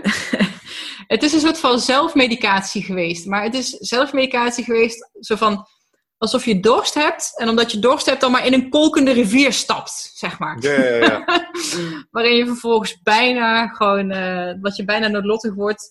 Maar goed, je bent wel verlost van je dorst. ja, en then some. ja, je bent voorlopig even genezen van je dorst, ja. Ja, doorweekt. Nee, nou, had een verhaal. Um, heb je in dat, in, in dat opzicht het... Um, het gevoel, hè, want, je, want je hebt het over, uh, over drugs als MDMA, speed, cocaïne heb je net gehad. Uh, we hebben het ook een beetje over uh, psychedelische middelen. Um, had je het net over. Daar heb je ook wel een bepaalde reis in gemaakt natuurlijk. Want drugs ja. zijn nog niet helemaal uit je leven verdwenen. Nee, nee. Maar hebben zich wel op een... Ik, ik, was het helemaal vergeten, zeg maar, dat dat bestond. En ik heb een keer een boek gelezen over, het heet volgens mij De Lessen van Don Juan Over een mhm. Amerikaan die dan in de leer gaat bij een shamaan in Mexico, als ik me niet vergis. En daarvoor met peyote aan de slag gaat. Dus, en toen dacht ik al, oh, je kan dit ook voor hele andere doeleinden inzetten dan alleen maar een leuke avond te hebben. Wat is, wat is peyote? Ehm, dat is ook een, uh, een psychedelische, dat is een cactus volgens mij, hmm. met uh, psychedelische werking. Okay. Dus dat wordt, wordt eigenlijk in dezelfde soort settingen als ehm, ayahuasca wordt dat bijvoorbeeld gebruikt. Helder. Ja. Is dat peyote? Ja, volgens mij wel. En dus toen had ik dat al keer gezien. Ik heb ook uh, de autobiografie gelezen, die heet, dat heet Pikal, voor de meneer die MDMA heeft uh, gesynthetiseerd, dus die dat gemaakt heeft. Weet je, en die gebruikte dat ook niet gewoon om lol te hebben, maar ook gewoon om tot zichzelf te komen en inzichten te hebben en van de natuur te genieten. En op een hele andere manier dan dat, zeg maar, als je het in de discotheek staat, doet. Ja. Um, dus weet je, die interesse was er al wel. Maar goed, dan, je gaat natuurlijk dat hele proces in van uh, je leven opbouwen. En uh, je, mijn carrière was op dat moment was alles. Weet je, ik ben daar vol voor gegaan. En dan kom je in één keer in een podcast van twee meneren. Mm. kom je iets tegen over ayahuasca. Het was in één keer gewoon alsof alle bellen in mijn lijf afgingen. Zo, wow, what the fuck is dit? Ja. Oh, wauw. Oh, shit. Ik, uh, dit, ik moet hier iets mee doen. Ik ga me hierin verdiepen. Ja, dus jullie hebben me op dat spoor gezet. Uh, anderhalf jaar geleden, denk ik. Ja. Ja, sorry. sorry, not sorry. Ja. Ja. Weet je, en uh, ja, dat, dat heeft... je luistert naar deze podcast en je hebt echt geen idee wat het was. Ja, dat kan ik beter aan jou vragen om dat te omschrijven. Nee, wat is het en wat heeft het je gebracht? Nou, ayahuasca, het is een, het is een, een plantmedicijn uit uh, de jungle tussen Brazilië en Peru. En um, met uh, helende werking. Um, wat het mij heeft gebracht is, is ja, inzicht en, en echt die heling. Ja, ik, ik kan het niet heel erg anders omschrijven. Ik heb nu acht, acht keer ayahuasca gedronken volgens mij in totaal nu. Hm. Uh, en dat heeft een heel... Uh, proces ook gehad. Ik ga er nu niet heel diep op in, want ik ga er toevallig eh, binnenkort ook uh, een losse aflevering ook aan besteden. Ja. Om, om dat is ook weer zo'n rabbit hole waar zoveel in zit en uit te halen valt. Maar um, dat stukje eenzaamheid en die zelfliefde en die zelfrespect, dat heeft daar wel degelijk uh, aan bijgedragen. Dat heeft mijn draak wat gekrompen, laat ik het zo zeggen. En uh, manageable gemaakt. En heel veel dingen, weet je, dat stukje terugkijken wat ik net zei. Van, uh, um, als ik kijk naar mijn geschiedenis, dat is wel mede daardoor heb ik bepaalde inzichten wel gehad van wat er gebeurd is. Van, oh, ik heb mezelf in de steek gelaten op de een of andere manier. En ik heb mezelf daarna ook weer teruggevonden. Dus echt dat meta-level pakken en terug kunnen kijken. Uh, dat heb ik bijvoorbeeld in die ceremonies gedaan. Um, ja, dat heeft wel mooie dingen goed gezet, recht gezet. Het is moeilijk te omschrijven dit, het is echt heel moeilijk. Hmm. En um, de, trek ik terecht de conclusie dat het lijkt alsof zeg maar, die, die omslag richting een stuk uh, ownership nemen op bijvoorbeeld uh, wat je doet voor je baan, maar ook het zorgen voor je lijf. Uh, evenals zeg maar de bovenkamer enigszins opruimen. Mm Het lijkt allemaal redelijk um, kort achter elkaar, of in ieder geval een beetje in dezelfde fase geïnitieerd te zijn. En, of heb je het gevoel dat daar een fasering in zat? Nou, dat is natuurlijk, dat, dat is gewoon al tien jaar bezig. Ja. Um, ja, ik ben nu uh, eh, 37 en volgens mij ben ik op mijn 27ste die therapie gehad. Dus ik ben dan tien jaar bezig met jezelf omringen met de juiste boeken, de juiste mensen. Um, en natuurlijk niet allemaal in één keer. Weet je, dingen komen gewoon op je pad. Um, boeken komen op je pad, documentaires komen op je pad, mensen komen op je pad. En uh, die hebben mij allemaal gevormd. En van een van mij die, uh, uh, die, beschrijft dat heel grappig. Als je zeg maar om de twee jaar op mijn verjaardag zou komen of op een feestje bij zou komen, zie, zul je daar steeds andere mensen zien. Yes. Omdat ik, ehm, ja, weet je, dan, heb je dat, dan is het weer even zo'n stepping stone geweest om weer een stapje verder te komen. En dat is totaal niet bewust of met volbedachte raden. maar dat gebeurt wel steeds. En uh, misschien dat ik daarom ook, uh, weet je qua werk en qua relaties nooit heel lang op één plek zit. Zo van, ik haal uit wat er eruit te halen valt. Uh, wat er te leren valt, wat er te groeien valt. Nogmaals, dat is niet, niet met voorbedachte raden. Ja, en dan, en dan gebeurt er weer iets nieuws. En dan ga ik daar weer helemaal hm. in mee. Dus daarom, ik geloof niet in een, dit er een transformatie is op één punt, maar wel dat je in een bepaald proces kan zitten met verschillende stepping stones, om het dan zo maar eventjes te noemen. En soms blijf je gewoon even een tijdje op een steen staan, dan vind je daar wel prima, en dan ga je weer eh, verder door. Ik kwam het laatst in een andere podcast tegen, iemand die omschreef het als een glazen vloer waar je op staat. Uh, en dat er steeds uh, één laag kapot gaat, zodat je steeds een, een niveautje dieper komt ook in uh, ja, een fulfilling leven of een stukje bewustzijn ook. Ja. Een stukje zelfactualisatie, ja. Ja, wat ik, ik vind en wat me daar ook aan opvalt, is het, uh, je behoefte om je te omringen met, uh, met mensen die, uh, die ook met die thema's bezig zijn. Enerzijds met een podcast, straks met de mensen die je gaat interviewen. Ja. maar je hebt natuurlijk ook je mastermind groepen, waar je iets soortgelijks... Ja. Wat, wat als ik zo beluister, misschien ook wel gewoon eigenlijk meer een middel voor jezelf was om, om al je dromen waar te maken. Van, hey, jullie, kom mij helpen. Niet verklappen!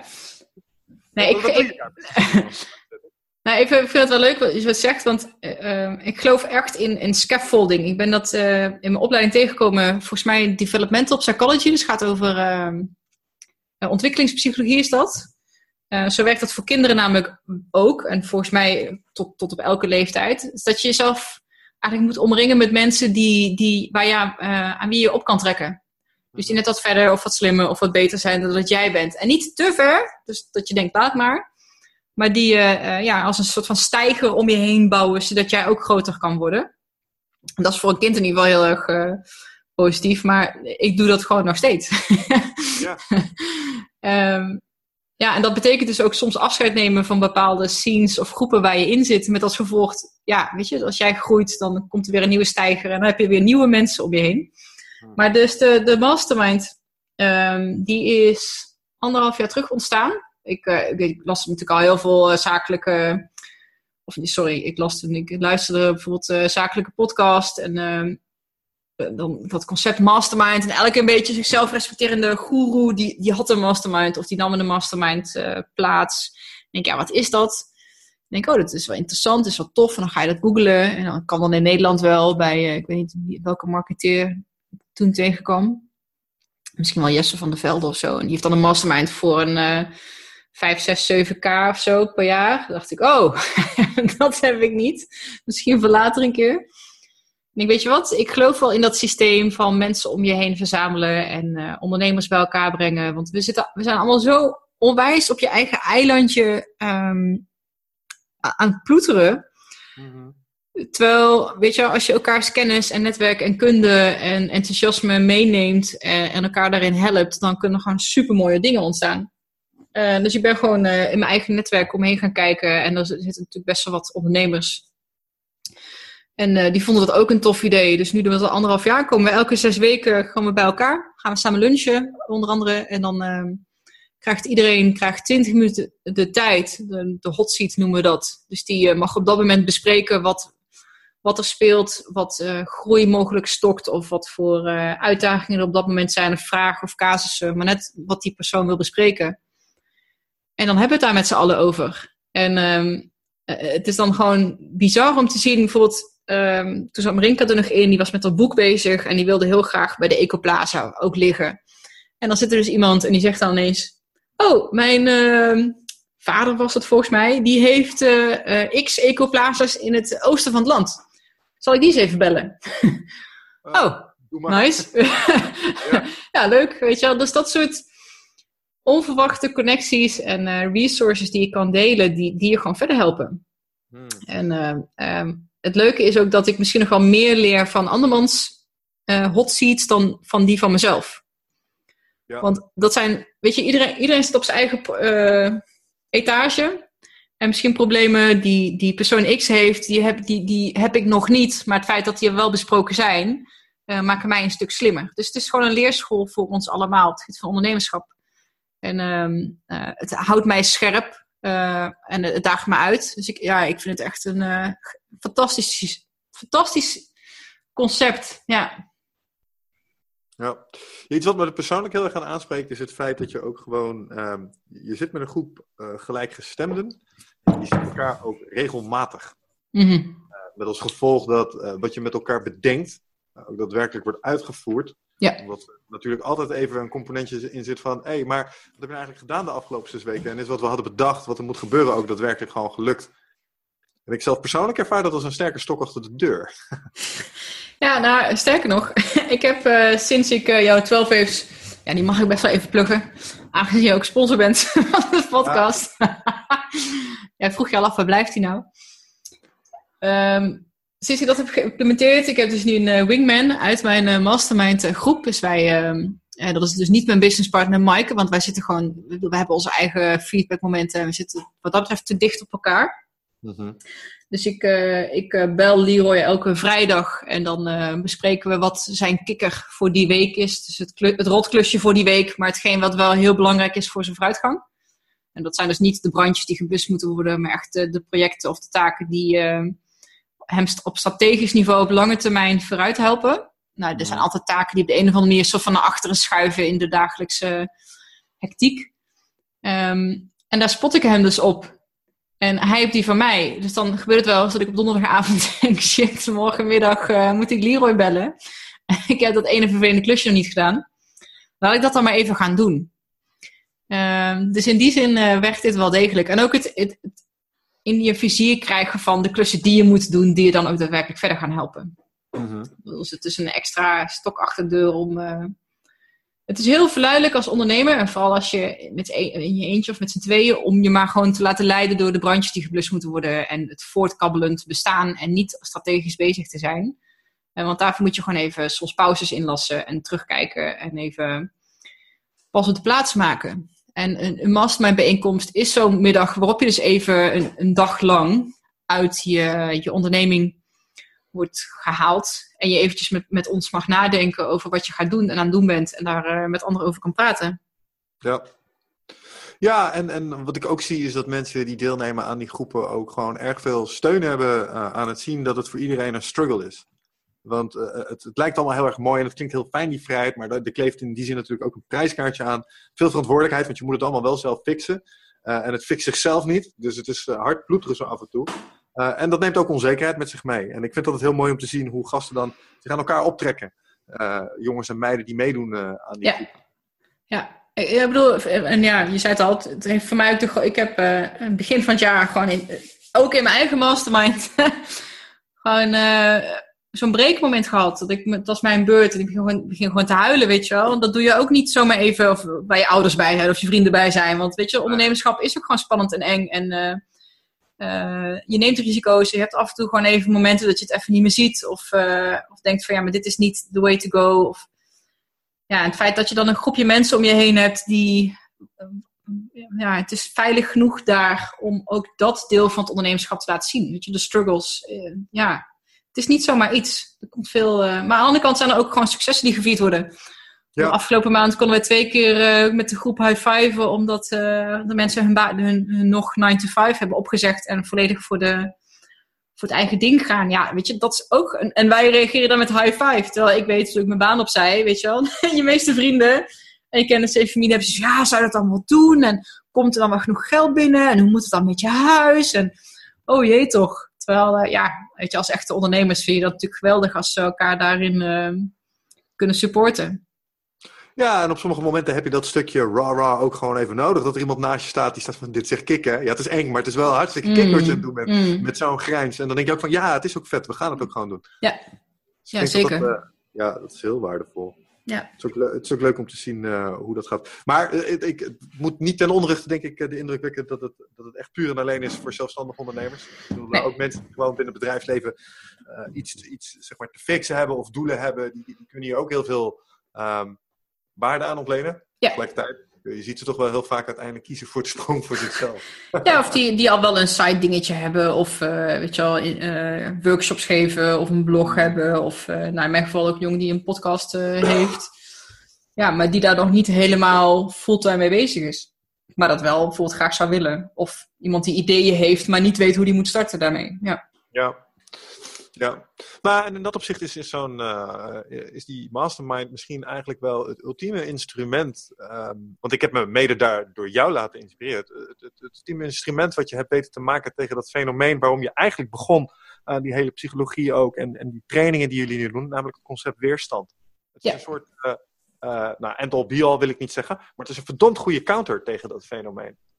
En dat vind ik misschien nog wel even interessant om daar iets van je expertise even aan te boren. Wat is het toch in mensen dat ervoor zorgt dat ze niet datgene doen waarvan ze weten dat het de juiste volgende actie is? Als het goed is, kun jij me daar een antwoord op geven. Als ik dat wist, dan was ik stinkend rijk geweest en mega succesvol volgens mij. Je helpt mensen wel mee. Dus wat, wat, wat is iets waar jij aan begint te werken op het moment dat mensen hiermee worstelen?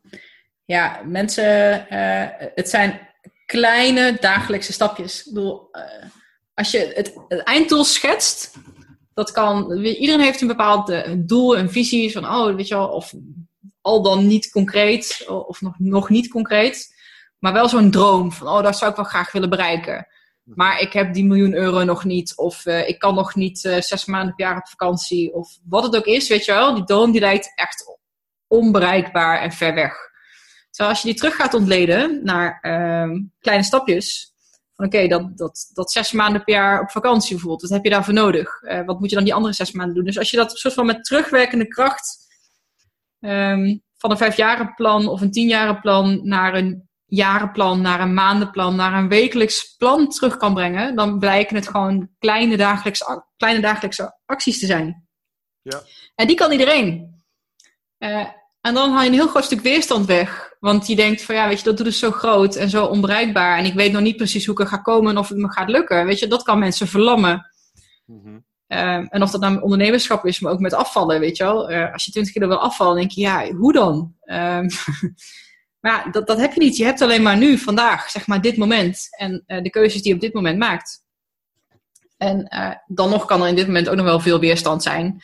Um, we hebben allemaal uh, psychologische mechanismen die, ons, die heel erg nuttig zijn, maar die ook onwijs in de weg kunnen zitten.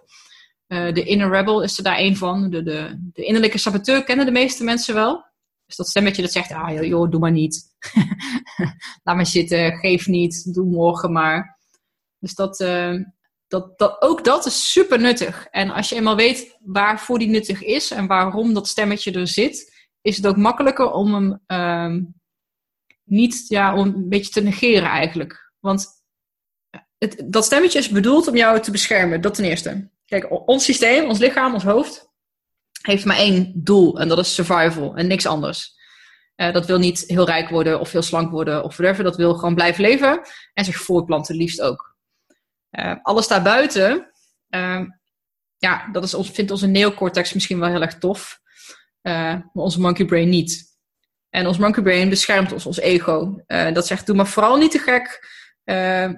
doe vooral niks waarvoor je je gaat schamen of heel veel stress oplevert. Of waar je mogelijkerwijs kan falen of jezelf voor de groep verschut zet. Want we willen ook niet buiten de groep vallen natuurlijk. Dat is ook niet goed voor ons, nee, onze survival.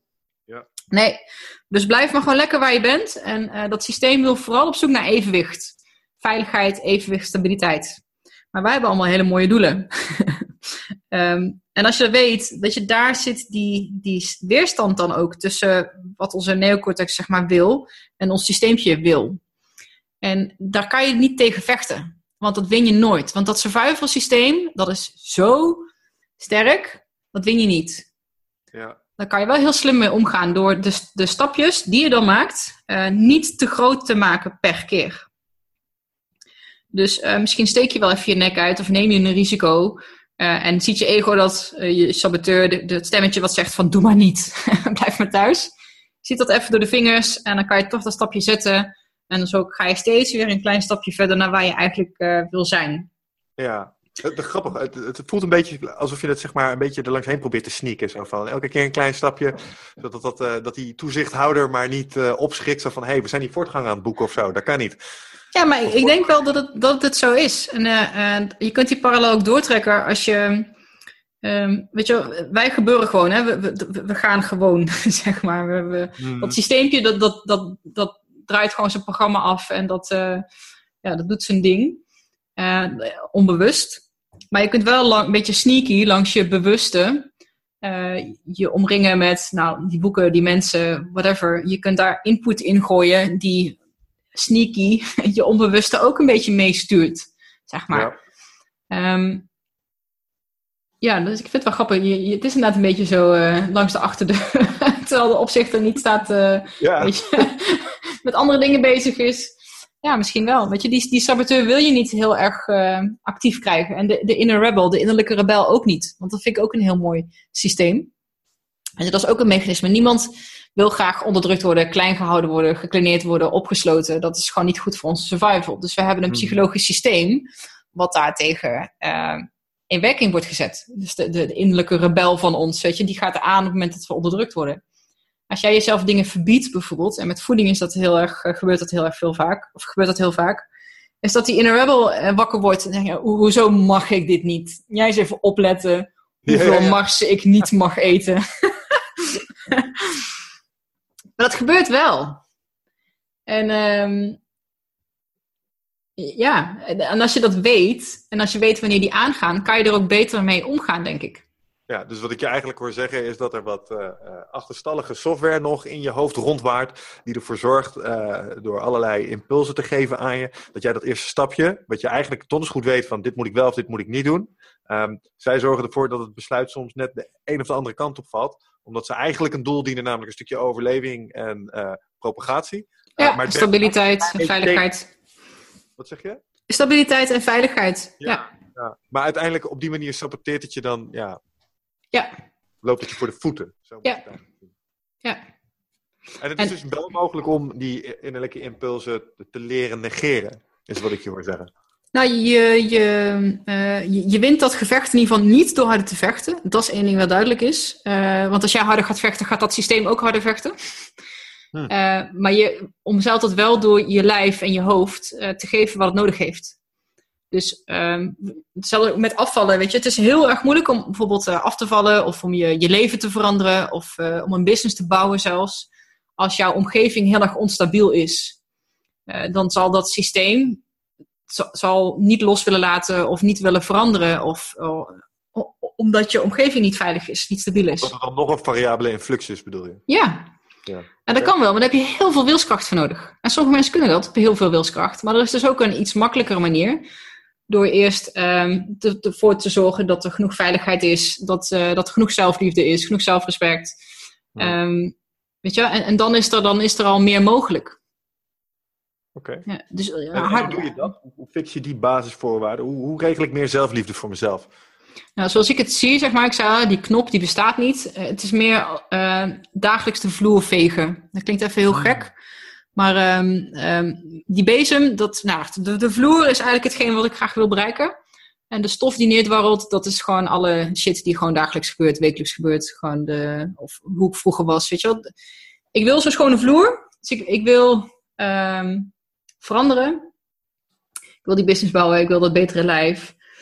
Uh, maar er is, er is, altijd iets, weet je, er is altijd stof. En uh, wat je kan doen is niet het licht aan doen, dus de knop omzetten, maar gewoon elke dag vegen. En hoe veeg je? Door gewoon, er zijn heel veel verschillende tools die je in kan zetten. Of dat nou mediteren is, of wandelen, of uh, technieken om meer in je lijf te komen. Er zijn er zo ontzettend veel. Mm -hmm. en wat bij jou past, ja, dat is voor iedereen anders. Alleen is ook, ook dat weer niet. Is, oh, ik weet hoe mediteren werkt. Ik doe het één keer en ik ben voor de rest van mijn leven klaar. Nou ja, helaas. Het is ook niet één keer in je leven douchen en je bent voor de rest van je leven schoon. Dat, is, dat moet je elke dag weer opnieuw doen.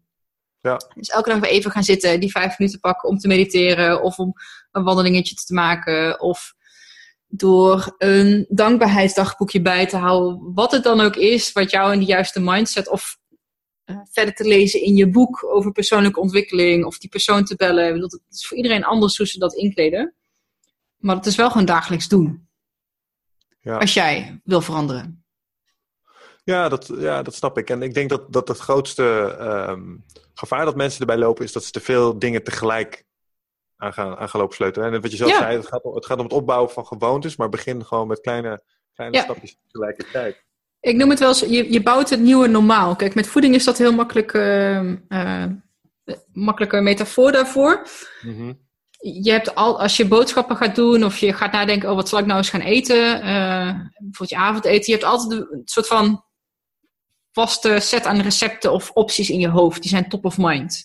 Ja ja, nou, dat, dat is jouw normaal, zeg maar. Als jij eh, zonder na te denken in de supermarkt loopt en je gooit je, je mandje vol, dat, dat is gewoon je, je referentiekader. Dus wat bij jou in de koelkast ligt, dat is jouw referentiekader. dat kan je stapsgewijs veranderen. Door bijvoorbeeld eerst alleen je ontbijt aan te passen. Voor de rest alles te laten zoals het is. Maar denk, oké, ik ga nu twee, drie, vier ontbijtjes bedenken. En net zo lang, en ik, dat is gewoon nu mijn nieuwe ontbijt. Totdat je niet meer merkt dat dat je nieuwe ontbijt is, maar gewoon je ontbijt is. En daar hoef je niet over na te denken. Dat is, dat is er gewoon. En weet je, dat, dat sluipt er dan in.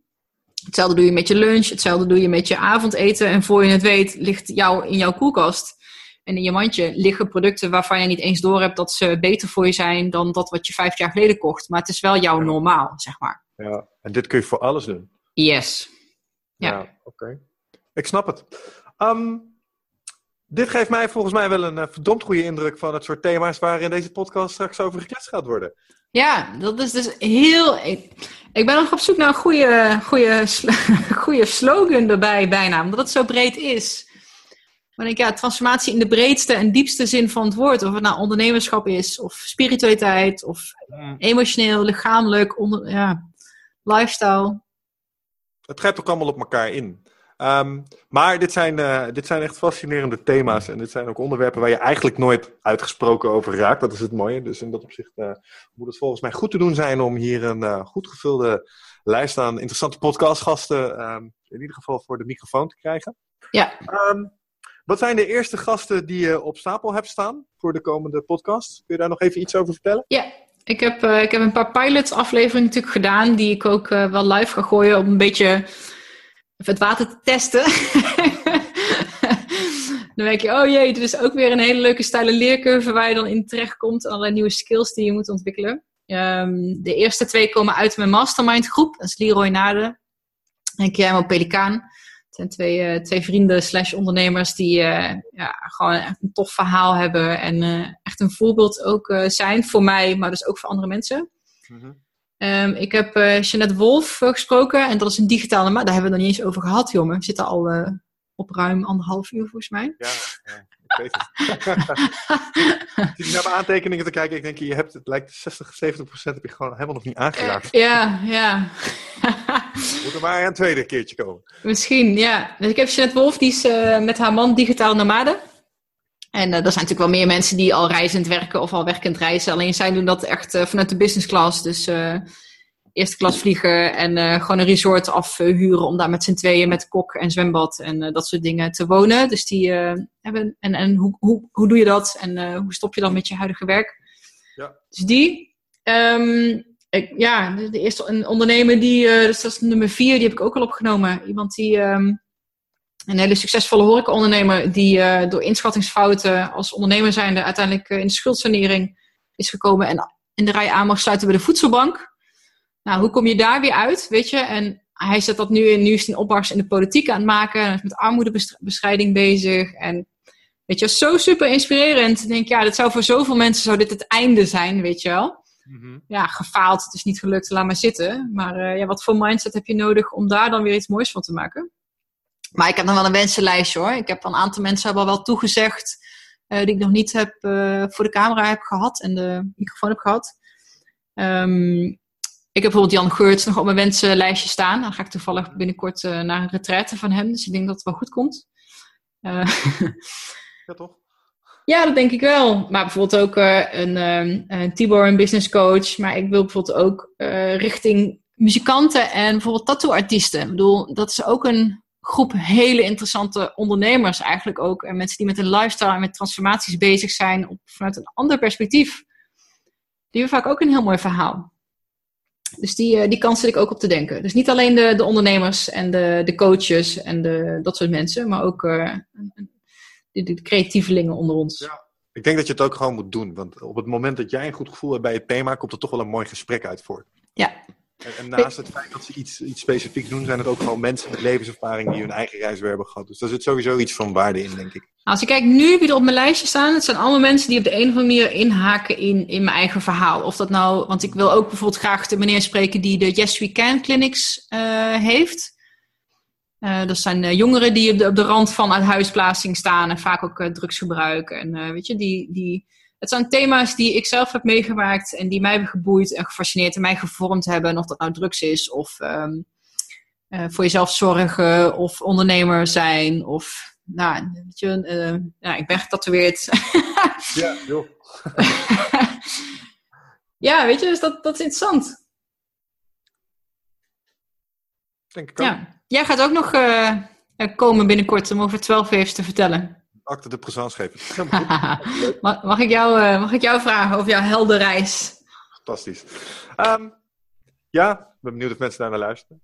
Um, vast wel. Vast wel, vast wel. Ja, ik denk dat, uh, dat, dat dit een goede eerste indruk geeft van uh, wat we hier mogen verwachten. En als uh, alle gesprekken zo leuk gaan, want ik weet dat je aan het begin ziet dat van, oh jee, spannend, maar ik vond het echt een hartstikke leuk gesprek. En, ook, ja, zelf ook weer dingen van opgestoken. Ik dacht van, ja, daar, daar, heb je gewoon wel een punt. En, top. Wat dan? Dat vind ik wel even leuk, want dat is een mooie afsluiter. Wat is jouw main takeaway nu? Um, nou, so, sowieso dat het een, um, en ik vergeet dat wel eens, dat, het een, dat het om het proces zelf gaat. Ik ben zelf heel erg geneigd om alles in stukken te hakken en zeg maar, het wel of niet vinken van projecten mm -hmm. uh, als succes te bestempelen. Dus de voortgang aan zich um, als leidraad te nemen. Hoeveel centjes heb je verdiend? Hoeveel mensen heb je aangesloten? Hoeveel downloads heb je op je podcast bereikt? Um, maar het hele verhaal daarboven, uh, die hele worsteling. Um, en, en hoe, je, hoe je daarin manifesteert en je fouten maakt en je daarmee omgaat, die is het, dat is het doel op zich. Mm -hmm. het, het, gaat daarom, zeg maar. En uh, dat, dat vergeet ik soms als iemand die heel resultaatgericht is nog wel eens. Dat is mm -hmm. wel Daar dacht ik van ja man, dat moet je niet vergeten. Nou, wat mooi. Dat ik je dat... Ja, dat is te gek. Nou, en volgens mij was dat uh, toen, toen, we begonnen aan het gesprek ook een van de dingen die we, hè, die we aanleiden. Die gesprekken zijn bedoeld om dit soort dingen op te halen. En dit soort inzichten in ieder geval. Uh, wij hebben er nu iets van geleerd. En hopelijk mensen die er straks naar luisteren ook. Dus, ja. Dat is het mooie van dit medium. Um, Jeanette, ik denk dat dit helemaal goed gaat komen, Dinne. nou, dankjewel dat je even op mijn stoel wilde gaan zitten. Graag gedaan. En uh, ja, dankjewel. Oké, okay, kleine moeite. En uh, nou, luisteraars, veel plezier met uh, de komende afleveringen. Yes.